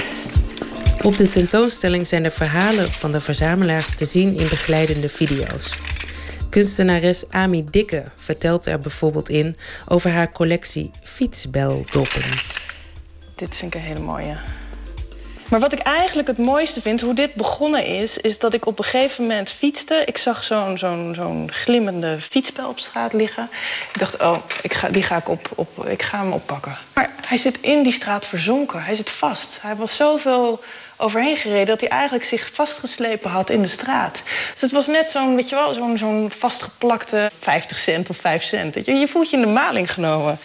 En dat zijn eigenlijk mijn favorieten. Dat is eigenlijk de verzameling die me heel dierbaar is. Die is onbedoeld tot stand gekomen. Niemand heeft daarover nagedacht. Het zijn een soort monumenten die, uh, van de terloopsheid en van het ongeluk. The collector. From thought to wish. From desire to obsession. Het oordeel over verzamelaars is ook altijd een beetje dat ze een beetje gek zijn. Zit er een, een, kern van waarheid in? Nou ja, daar zijn natuurlijk allerlei verhalen over. En, en, en die zijn volgens mij met, met Freud de wereld ingekomen. Freud zei, eh, was zelf trouwens een verwoed verzamelaar. Zijn hele werkruimte stond vol met uh, beeldjes en objecten en weet ik wat. Uh, maar Freud zei uh, dat elke verzameling ehm, natuurlijk een, het verwerken is van een anaal probleem uit je jeugd. Waarbij je al je fecaliën verliest en iets moet doen om ze weer terug te krijgen. dus ja, um, ik, ik weet niet of dat zo is. Het lijkt mij een beetje overdreven dat elke verzamelaar eigenlijk een, een, een ziektebeeld heeft of uh, iets moet overkomen. Maar ik denk wel uh, dat het met een bepaald karakter te maken kan hebben. Of sommige verzamelaars hebben nu eenmaal de behoefte om ja, te blijven verzamelen. En ook op een soort obsessieve manier. We zijn bijvoorbeeld uh, langs geweest bij de man die scheermesjes verzamelt, Geert Rens, um, uit Sellingen in Groningen. En die heeft 216 verzamelingen. En uh, op een gegeven moment dan is het zo, dan is zo'n verzameling naar zijn idee redelijk compleet en dan begint hij weer een volgende. En hij wilde eigenlijk in eerste instantie ook die scheermesjes niet meegeven, want die vond hij al lang niet meer interessant. Want hij zat nu in de winkelwagen muntjes en daar had hij er 3 miljoen van? Nou, heel veel in ieder geval. Nou, wel. Winkelwagenmuntjes? Ja, duizenden. En uh, daar was hij ook uh, de recordhouder van, dat hij, daar de, ja, dat hij daar de meeste van had. Dus uh, ja, daar was hij heel trots op. Oh, dus ook competitiedrift. Ja, dus ja, eigenlijk ja, in het Guinness Book of Records willen komen. Ja, dat, dat, dat, is, dat is zijn streven. En dat is natuurlijk een heel andere manier van verzamelen dan bijvoorbeeld Charles Brookin, die echt dat een verzamelaar, verzamelaar van trappartijen en uh, architectonische elementen. En hij wil die echt redden van de, van, ja, van de ondergang en het ook gebruiken als, als um, onderwijsinstrumenten. The passion really is about the design, discovery, understanding the, the dating methods, learning new things, meeting new people. The whole um, experience is exciting, going into a house and learning about its past, then sectioning something and bringing back a bit of history. Het scheermesje, de mattenklopper, de trapleuning. Als je je mee laat slepen door de tentoonstellings Finders Keepers, ga je eenmaal weer buiten beter kijken naar de wereld om je heen. Ik denk, uh, wanneer kijk je nou naar, naar uh, iets van 100 verschillende bakstenen? En dan die dan ook nog eens een keer heel goed gelabeld zijn... waarvan je precies weet uh, uit welke locatie die zijn, zijn gekomen... en uit welke bouwperiode. Ik denk dat dat is natuurlijk heel erg mooi als je dat naast elkaar kan zien. Terwijl het, zijn, het blijven natuurlijk gewoon bakstenen. Dat zie je ook bij de, bij de verzamelaar van de touwen heel goed. is dat je bijna door zijn ogen naar de, naar de wereld gaat kijken. En die verzamelaar, dat is Floris Hin. En dat is een, een uh, scheepstuiger en zeilmaker uh, uit Amsterdam. En die heeft een, een kelder vol met uh, allerlei verschillende touwen. Maar is ook iemand die voortdurend op straat ja, in een touwenwereld leeft en overal stukjes touw vindt, al tientallen jaren, en ze meeneemt en bewaart en in een mapje stopt met een briefje erbij waar ze gevonden zijn. En uh, ja, dat je door de ogen van zo iemand en door de ogen van een voorwerp eigenlijk naar de wereld kijkt, uh, dat is wel heel aanstekelijk, denk ik.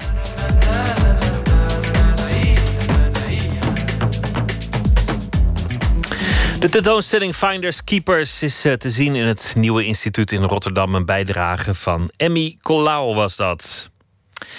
Luisteren naar eh, Shabazz Palaces samen met Tadiak. En het nummer heet Shine a Light.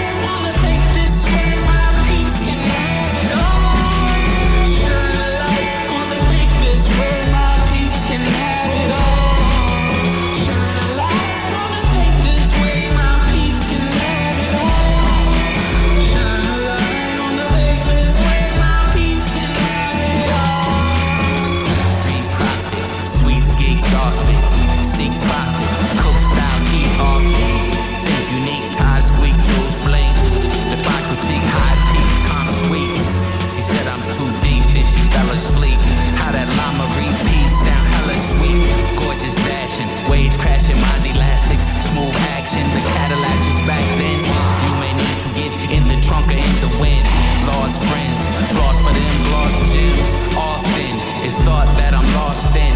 Weighing out what all this chance taking's costing.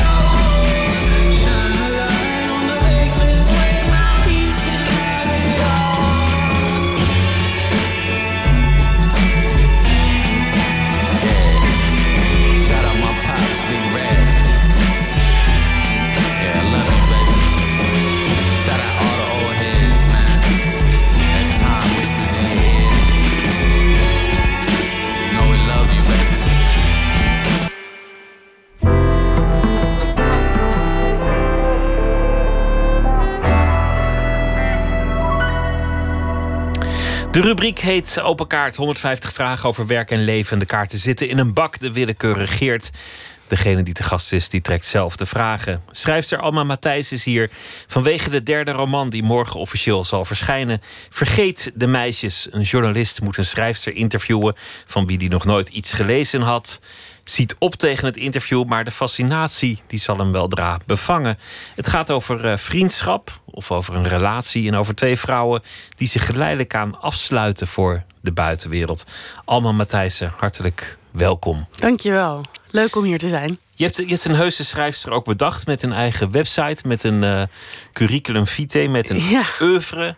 En zoals het gaat in een schrijversleven, met een paar, paar bepalende details uit dat bestaan. Ja, dat, dat moet. Ik, toen ik dacht, ik ga een boek over een schrijver schrijven. Eigenlijk het eerste wat je leert als je begint met schrijven, nooit over een schrijver schrijven.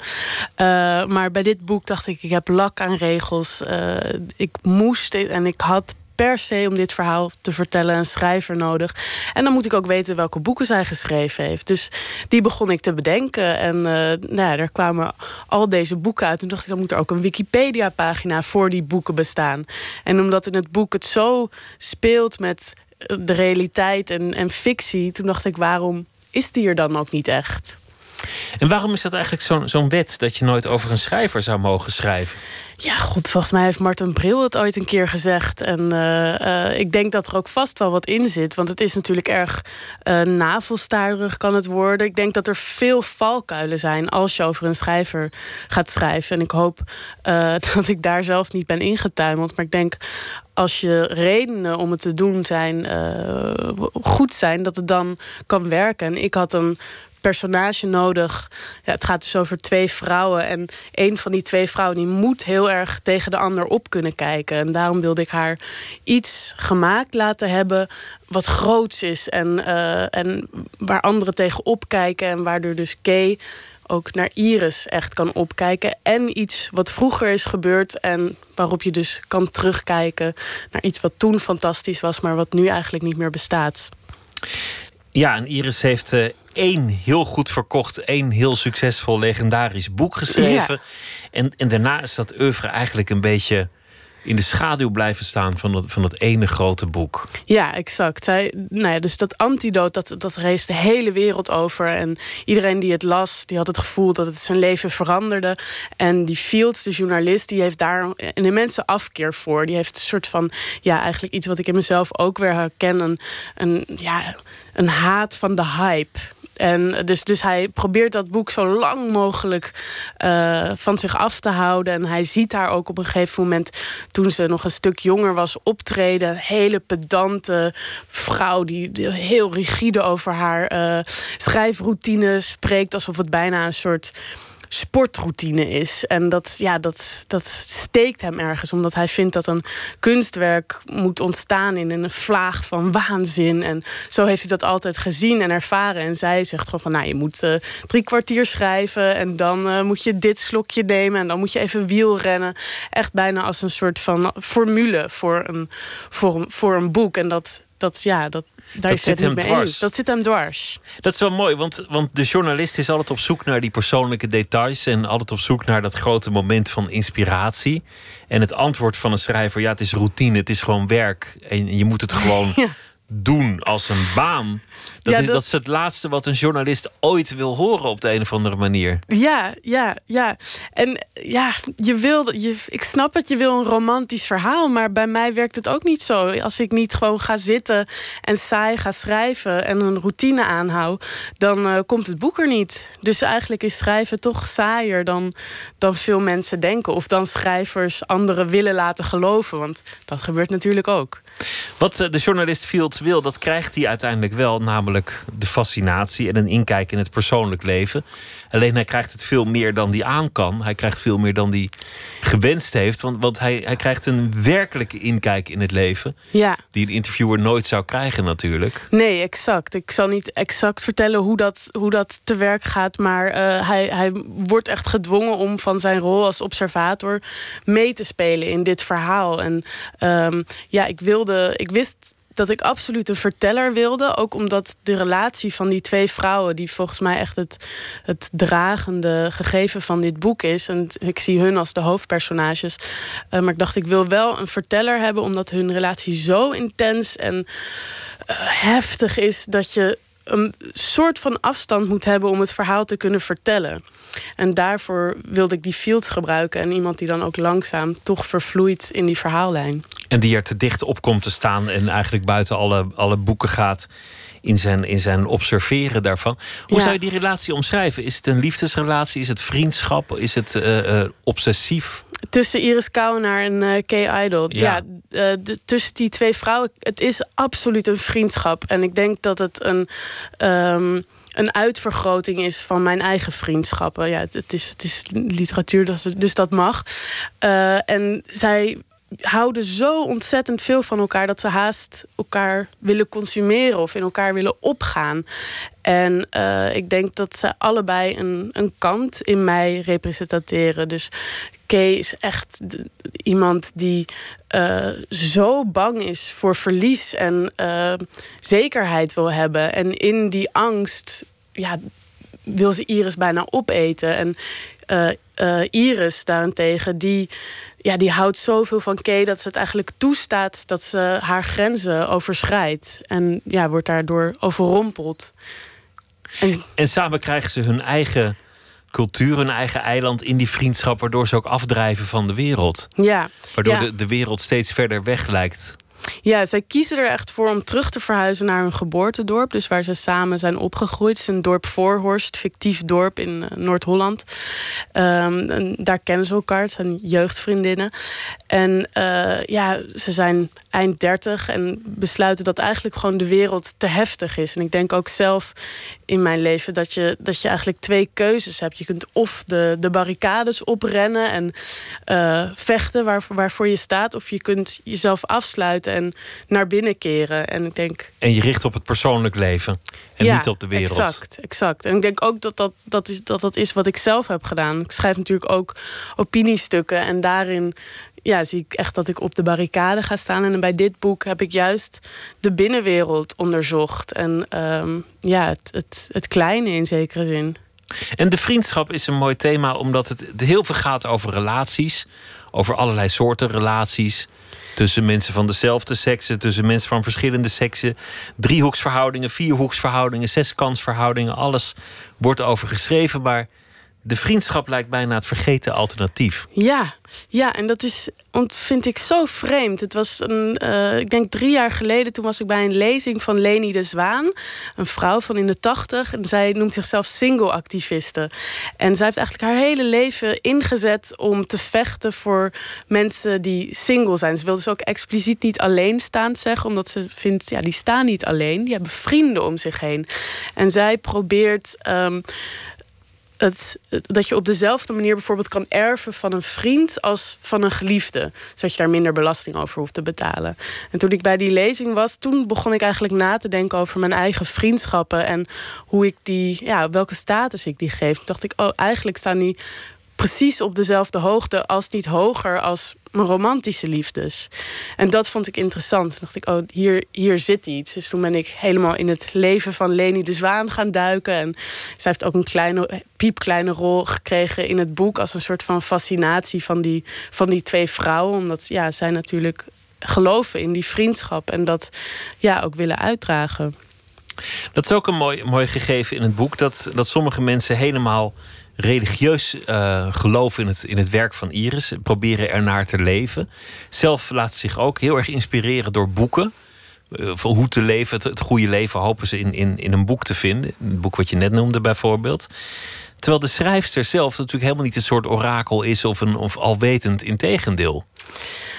Nee, ja, god. Uh, Iris, denk ik, zij, zij, zij pretendeert niet een, een, een waarheid in pacht te hebben. En ik denk dat zij met Antidote ook iets gemaakt heeft waar ze zelf misschien niet 100% zeker wist: uh, dit gaat zo groot worden. Daarom heeft ze ook al die boeken die ze daarna heeft geschreven, die sloegen allemaal eigenlijk weer terug op dat antidote, omdat ze niet weet hoe ze een, een, een compleet werk moet maken wat losstaand is. Dus elk boek wat ze daarna schrijft, dat gaat weer over een oorspronkelijk karakter uh, uit dat eerste boek in Antidote. Zullen we beginnen trouwens met uh, de ja, kaarten? Want laten we het doen. Daar, daar, daarvoor ben ik er. Hier, trek, trek een vraag. Ik ga een vraag trekken. Oké. Okay. Oh, hoe zou je het liefst sterven? Zo, nou, we zijn er. Ja, mijn hemel. en helemaal nu met die, die pil van Drion... die nu overal in het uh, nieuws is. Hoe zou ik het liefste sterven? Nou, ik wil wel heel oud worden. Dat weet ik. Uh, uh, vooral omdat ik gewoon altijd constant nieuwe boeken in mijn hoofd heb. En die wil ik dan afmaken. Uh, dus dan weet ik, oh ja, ja, dan moet je wel leven om dat te kunnen doen. Ehm, maar hoe zou ik het liefst sterven? Ja, snel, denk ik. Gewoon dat het snel voorbij is. Dat ja, doodgaan. snel, snel. Misschien, ja, ik weet het niet. Maar niet een mooie dramatische sterfscène. Nee, nee, nee, nee, nee, nee. Ik denk dat ik alleen wil zijn. Dat, ik, dat het snel moet zijn. Uh, maar dan, ja, wellicht toch nog wel iets spectaculairs. Dat kan ik me ook voorstellen. Dus, dus weet ik veel, van een gebouw. Nee, ik weet het niet. Ik vind het te moeilijk. Nou, dan ben je er gewoon nog niet aan toe. Nee. Trek nog maar een dat, kaart. Dat mag ik hopen, inderdaad. Nog een kaart. Wat is je grootste succes? Zo, dit zijn echt uh, veel makkelijker om over je boek te praten. Uh, mijn grootste succes. Ja, het, het, eerste wat wel weer in mijn hoofd opkomt, het zijn mijn boeken dan, mag ik hopen. Maar dat is wel erg uh, Alle drie, narcistisch om uh, van jezelf te zeggen. Nou, nee, vier. Waarom is dat narcistisch eigenlijk? Ja, ja, god, weet ik niet. Ik vind het een beetje. mm, Ja, klopje op je eigen schouder geven, daar hou ik niet zo van. Maar ja, misschien moet ik dat ook gewoon doen. Anders schrijf je toch niet? Nee, dat is zo, maar dat gaat, gaat ook vanzelf. Ik bedoel, je wil, tuurlijk wil je dat het een succes is. Maar het is niet dat ik denk van eh, eh, dat ik daar dan zou stoppen als dat niet zo is. Ik denk toch wel dat ik tot die schrijvers behoor die dan, ja, ook als je op een onbewoond eiland zou zitten en niemand zou het kunnen lezen, dat, je dan toch schrijven. doorgaat. Ja, want ja, wat moet je anders?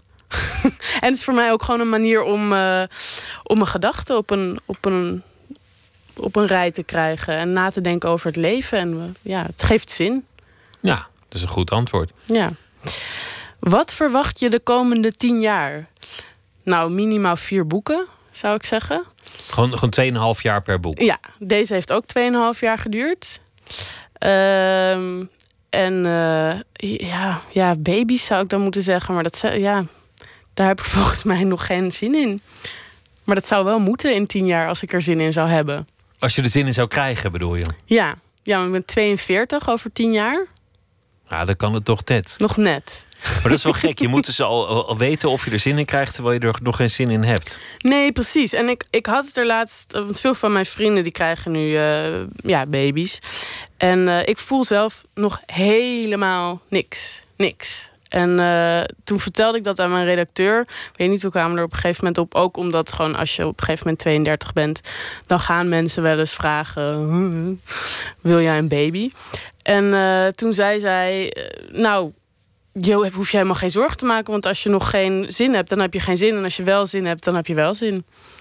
Dat vond ik heel, heel, Ja. heel prettig duidelijk antwoord. Misschien krijg je wel nooit zin. Is toch ook goed? Nee, ja, dat zou ook heel goed kunnen. Niet vooruitlopen op, op dat je zin kunt krijgen in iets waar je nog geen zin in hebt. Omdat je er maar zin in moet hebben. Of ja, zo. exact. Ja. Maar blijkbaar voel ik dus wel ergens die druk van buitenaf. Ook al voel ik het nog niet bij mezelf. Ja, je bent geprogrammeerd door de samenleving die, Ja. jou, die jou Barbie-poppen en poppenhuizen gaf. En, eh, ja, maar die Ja, kregen nooit je. baby's in mijn verleden. trek nog een kaart. Wat moet iemand van je weten om je echt te kennen? Eh, dat ik ongelooflijk veel van chips hou.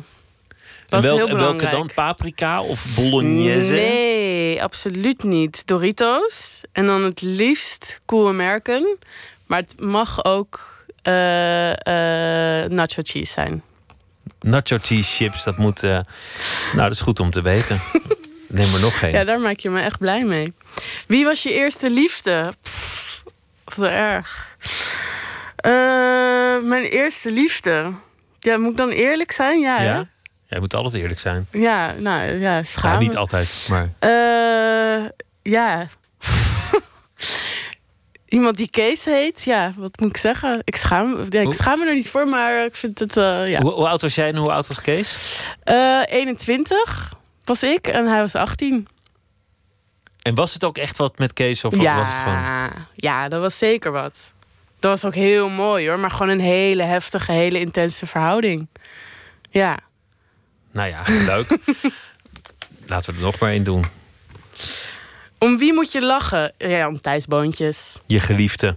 ja. Je Ja. geliefde zanger. En eh, ja, om hem moet ik altijd Artiest. heel hard lachen. is ook een van de grappigste mensen Toch? Hij is ook gewoon aarde. zo echt. Als ik ook vrienden van mij hem ontmoeten of zoiets, die zeggen dan altijd: eh, Nou, is hij grappig? Hoe komt dit? Hij is gewoon heel grappig. Dus dat is volgens mij gewoon zijn hele leven al geweest. En hij kan hele leuke dansjes doen als hij wakker wordt. Hij was laatst hier te gast in dezezelfde rubriek. En, en, en heel veel mensen die hadden zich bescheurd van het lachen... terwijl er eigenlijk niet Ja, echt maar iets dat het grappigs gekke werd is. gezegd of zo. Maar Want, want juist, ik zeg nu van, oh ja, hij is de grappigste persoon die ik ken. Maar eigenlijk zou ik niet gelijk een soort van zijn uitsmijter nu hier kunnen vertellen. Omdat eh, zo werkt zijn humor denk ik ook niet. En juist dat vind ik zo leuk. Het zijn geen moppen of zoiets die hij tapt. Dat zou ik vreselijk vinden. Het is gewoon zijn hele persoon. Er hangt gewoon iets heel grappigs op hem. Of dan ziet hij even als je iets onzekers of iets hebt. En dan, dan ziet hij dat en dan maakt hij daar een hele leuke grap om. Die je zelf ook weer la- laten lachen om jezelf. Ik lach gewoon heel veel om mezelf als ik bij hem ben. Het is ook wel een mooie waarde in een relatie... als je op elkaar kunt lachen. Dat Ja. is volgens mij iets waar je het lang op kunt volhouden. Ja, zeker. Zullen we er nog één doen? De, de, de, Nog de- één. De oervraag. Oeh, toe, toe, dit wordt een. Oh, wat is je grootste angst? Ehm, ik, ik kan niet tegen vliegen. En ik weet niet wat. Ik kom er niet vanaf. Maar dat is toch niet je grootste angst? Is mijn grootste angst? Nee. Je hebt gewoon geen zin om te vliegen, maar dat is toch niet je nou, grootste ik angst? heb wel letterlijk, zeg maar, ik kan het niet nadoen, maar zo dat je het eh, ding, het raam gaat vasthouden en soort van in de brace position gaat zitten als ik moet vliegen, dat gebeurt wel. Maar echt, mijn, ja, mijn grootste angst, Is dan toch doodgaan? ja, of, of dat dierbaren doodgaan. Ik denk dat ik dat nog erger vind. Zeg maar, ik zou, ja, als je zelf doodgaat, ja, dan ben je dood. Dat is, dat weet je dan je niet. Nou ja, ik hoop dat de, de pijn voor de dood, daar zou ik wel bang voor kunnen zijn. Maar ik hoop dat het dan snel gaat. Maar de, ja, de dood van mijn dierbaren, daar, daar, ja, daar ben ik wel echt, daar kan ik bang voor zijn. Want het is al een keer gebeurd omdat je vader jong is gestorven. Ja, precies. Dus ik weet, in die zin weet ik dat niets zeker is. Ik heb dat al heel jong meegemaakt. Maar aan de andere kant, ja, weet je natuurlijk ook hoe heftig dat is en hoe bepalend dat voor mijn leven is geweest. En eh, ehm, ja.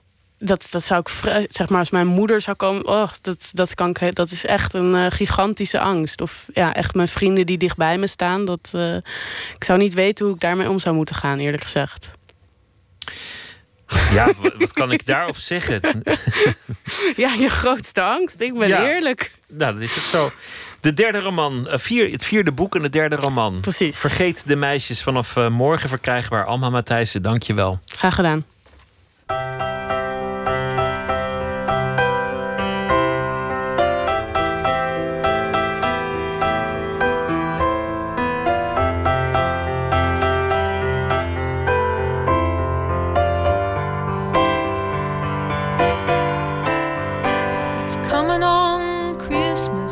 Cutting down trees.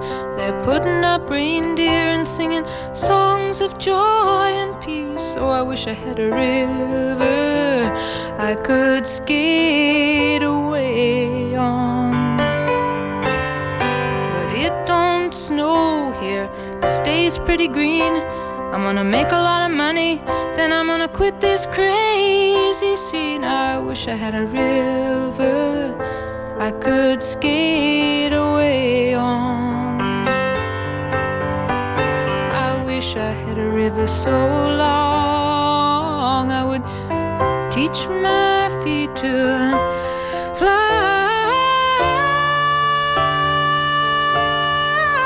Oh, I wish I had a river I could skate away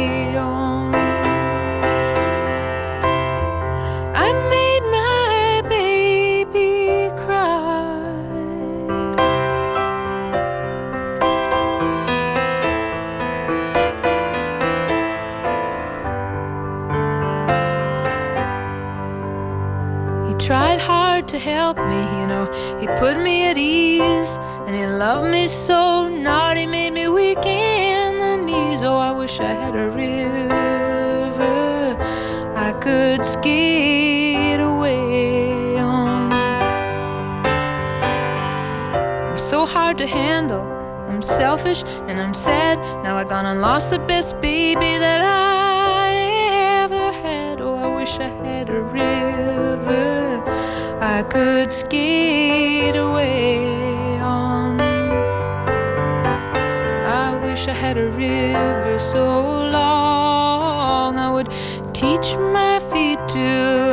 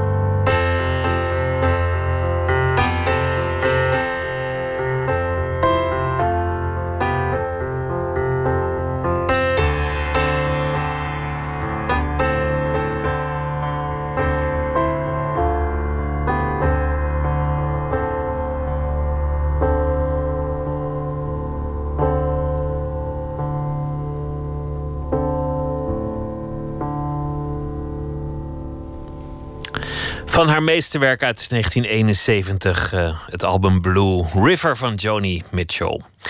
Eén minuut, deze is gemaakt door Maartje Duin en heet Vetklomp. Pst, één minuut.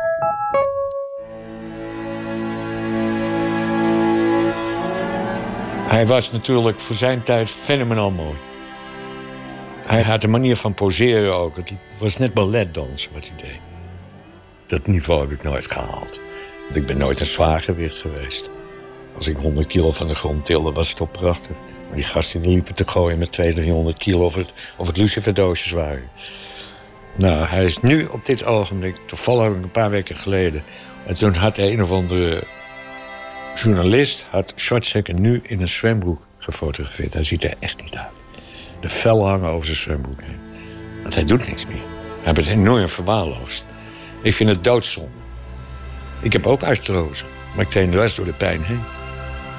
Nee, ja, zoals ik er nu uitzie, zou ik van hem winnen, ja. 73 jaar. Iedereen wint van Schwarzenegger op dit ogenblik. Dat is een vetklomp.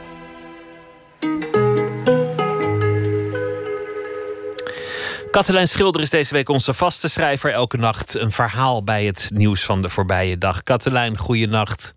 Dag Pieter. Vertel, wat voor uh, stormachtige dag heb je achter de rug? Ja, ik, het is de tijd van de ontgroeningen bij studentenverenigingen. En er stonden vandaag heel veel berichten over in de krant... over de arme buren van de studentenhuizen... die in deze periode, maar eigenlijk ook de rest van het jaar... geen oog dicht doen. En heel toevallig was het ook wel een beetje een Europese dag... want Juncker gaf een grote speech... waar ik overigens echt niks inhoudelijks over kan vertellen... want ik heb niet goed daarop gelet. Maar er stond naast zo'n bericht over die studentenverenigingen... stond er ook een bericht over een nieuwe Europese richtlijn... rondom stofzuigers die steeds stiller moeten worden.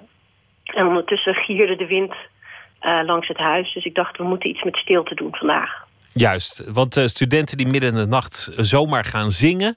of die, uh, die seks hebben met het raam open, dat was het ene bericht. Ja, we hebben hetzelfde stuk gelezen. Ja, en dan het, het andere stuk ging over de nieuwe richtlijnen voor stillere stofzuigers. Ja, ik, dus die twee zijn gewoon in hetzelfde... Ik wilde over die ontgroeningen schrijven... maar toen uh, belanden die stofzuigers er ook in. Nou, ik ben benieuwd. Ga je gang. Oké, okay, komt-ie. De stofzuigers van Beaufort. Aan het begin van het jaar bemoeien de moeders van de feuten van het studentenkoor zich nog met hun zonen. Elk jaar verliezen de stofzuigers van Beaufort het van de opgezogen muizen, silo's glasscherven, peurschuim en kots. De moeders houden vol. Het is een traditie geworden. En dus staan er ook dit jaar vier gloednieuwe stofzuigers in de gang van Saskia's piepkleine appartement aan de Kloveniersburgwal. Vier voor elke verdieping van het pand naast haar één. Saskia is tussen de dozen in de gang op haar hurken gegleden en staart voor zich uit. Nu volgens de laatste Europese richtlijnen staat er met felgele stickers op de dozen. 80 decibel, met daarnaast een foto van een slapende baby in een smetteloze kinderkamer. 80 decibel, denkt Saskia. Hoe hard is dat eigenlijk? Het is stil. Zo'n stilte tussen twee opstijgende vliegtuigen in. De jongens slapen nu. Nog een paar uur, gokt ze. Vannacht sliep ze op de gang. Dat doet ze vaker tijdens de ontgroening. Dan zitten er twee muren tussen haar en de gillende neuker van rechtsvoor, 120 decibel. De kotsende vloeker van de binnentuin, 130 decibel. En de Armin van buren Wannabe, 180 decibel met het hoogtepunt rond half vijf s'nachts als de brandweer de barbecue in de kelder komt blussen. Saskia sluit haar ogen en valt, rechtop gehouden door de dozen naast zich, in slaap. In haar droom stofzuigt ze de verdiepingen van Beaufort. De vier gloednieuwe zuigmonsters zijn fenomenaal. Ze zuigt eerst alle feuten op en dan de tweede, derde en vierdejaars op de hogere verdiepingen. De strikjes en rokkostuums lopen soms vast in de stofzuigerslang. Dan legt ze even haar hand op het mondstuk om de druk te vergroten. De ledematen vloepen opvallend soepeltjes de anti-allergene stofzuigerzakken in. 80 decibel. Daar slaapt een baby doorheen. Twee verhalen die bij elkaar kwamen. De geluidsnormen voor uh, stofzuigers. zie je, het gaat echt ergens over in Europa. En eh, de geluidsoverlast van studenten. In, de- in, in datzelfde stuk stond ook dat, die, dat, die, dat huis waarin ze dan zaten, waar het hier over ging, was een grachtenpand in het centrum van Amsterdam. Ja. Gekocht door, door de ouders van de studenten en oud-leden. Voor, Ja. voor, wat was het, geloof ik, 2 miljoen of zoiets. Ja, En dan En vervolgens gaan die, gaan die kids dan in de kelder eh, barbecuen.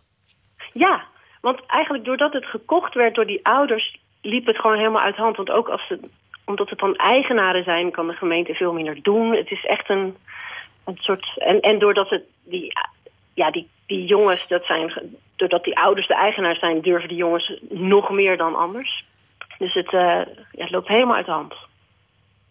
Ja, maar dat is natuurlijk als het misgaat met die, met die barbecue in de kelder, wat me gewoon een buitengewoon slecht idee lijkt, dan is het ook niet zo'n goede investering gebleken waarschijnlijk. Het lijkt me echt een heel slecht idee voor alles.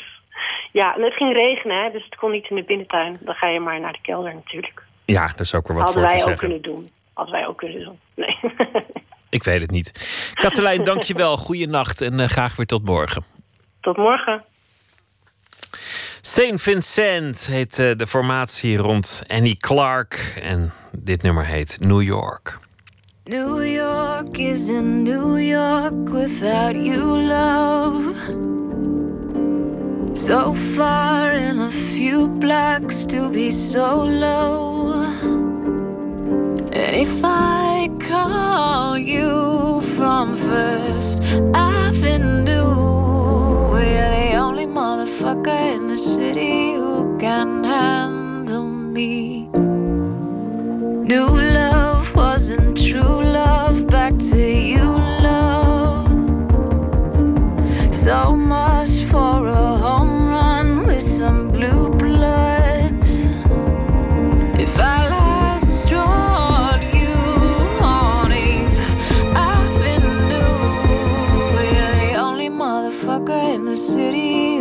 can stand me.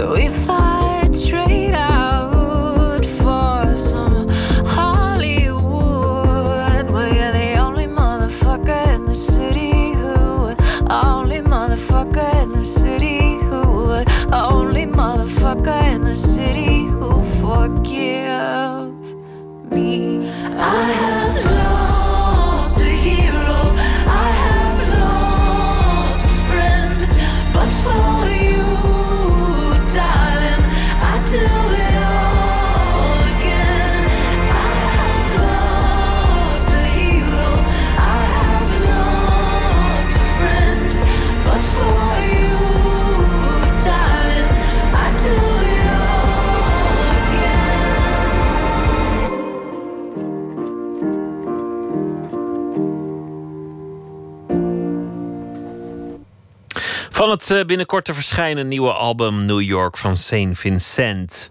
Komende zaterdag de 35e editie van de Nacht van de Poëzie. Deze week laten we gedichten horen die zijn opgenomen tijdens eerdere edities van de Nacht. Dit is van eh, vorig jaar Marieke Rijneveld met Hol genoeg om een echo te verbergen.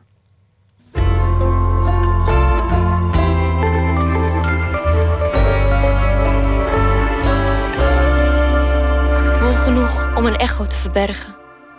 We mochten geen vragen stellen, maar wel antwoorden bedenken. Mama huilde veel in de tijd dat we nog geen meten waren. En ons leerde dat de dood een echo had die nasuisde tot ver in je trommelvliezen. Vergat steeds om mijn koude handen in mijn broekzakken te steken. Ze niet tot vuist te maken, maar plat. Zoals ze op de glasplaat van de kist van mijn broer liet vallen. Als twee vochtige zeesterren. De zee zich ineens boven ons hoofd bevond. Iemand had de vloer weggeschoven en niet meer teruggelegd, zei opa, die mijn angsten tot duiven vormde. Om ze tam te maken, moest ik ze van kop naar staart aaien. En één keer in de week loslaten in het weiland achter de stal. Toekijken hoe ze wegvlogen, maar in de nacht tikten ze weer met de snavels tegen het slaapkamerraam. Belde hij in paniek de loodgieter uit de straat omdat de gaten in zijn kleinkinderen zaten. Ze likte lieten stranen. Troosten was toen nog als inparkeren. Het is meten en weten en toch schat je te vaak rap in. Blijf je zoeken naar de juiste plaats. Een omhelzing heeft soms ook meerdere rondjes om elkaar heen nodig. Op tafel stonden theeglazen gevuld met jenever. Vreemde wijsvingers roerden door ijsklontjes. Er klonk vrolijk gerinkel terwijl de dood nog een klap moest maken. Zoals antwoorden een paar seconden de tijd nodig hebben om te landen in de hoofden van het publiek. Waren wij hier het publiek of hadden we andermans broekzakken nodig om de warmte van een lichaam te voelen? Ik pakte een wijsvinger en opende mijn mond. Roemen, dacht ik nog. Laten we doen alsof we elkaar beet willen pakken, maar we steeds van elkaar wegglippen. Terugtrekken betekende dat de klap niet bij iedereen hetzelfde binnenkwam. Zij niet hoog genoeg waren om een echo te verbergen. Naast die dominee stond de tandarts. De enige man in ons leven die oog had voor alles wat we voor onze kiezen kregen. En begreep dat s'nachts onze oren in zeeschelpen veranderen... waarin we niet de zee horen suizen, maar de dood. Broer steeds weer in ons hart naar boven kwam gedreven.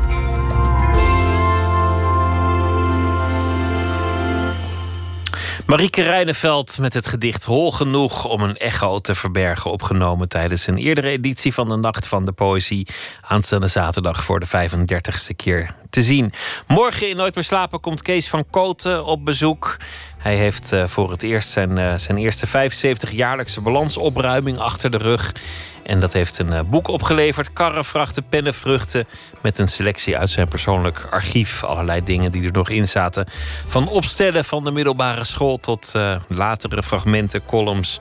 En morgen gaan we met hem praten over de eerste 75 jaar van zijn leven. Dat allemaal morgen in Nooit meer slapen. Voor nu een hele goede nacht.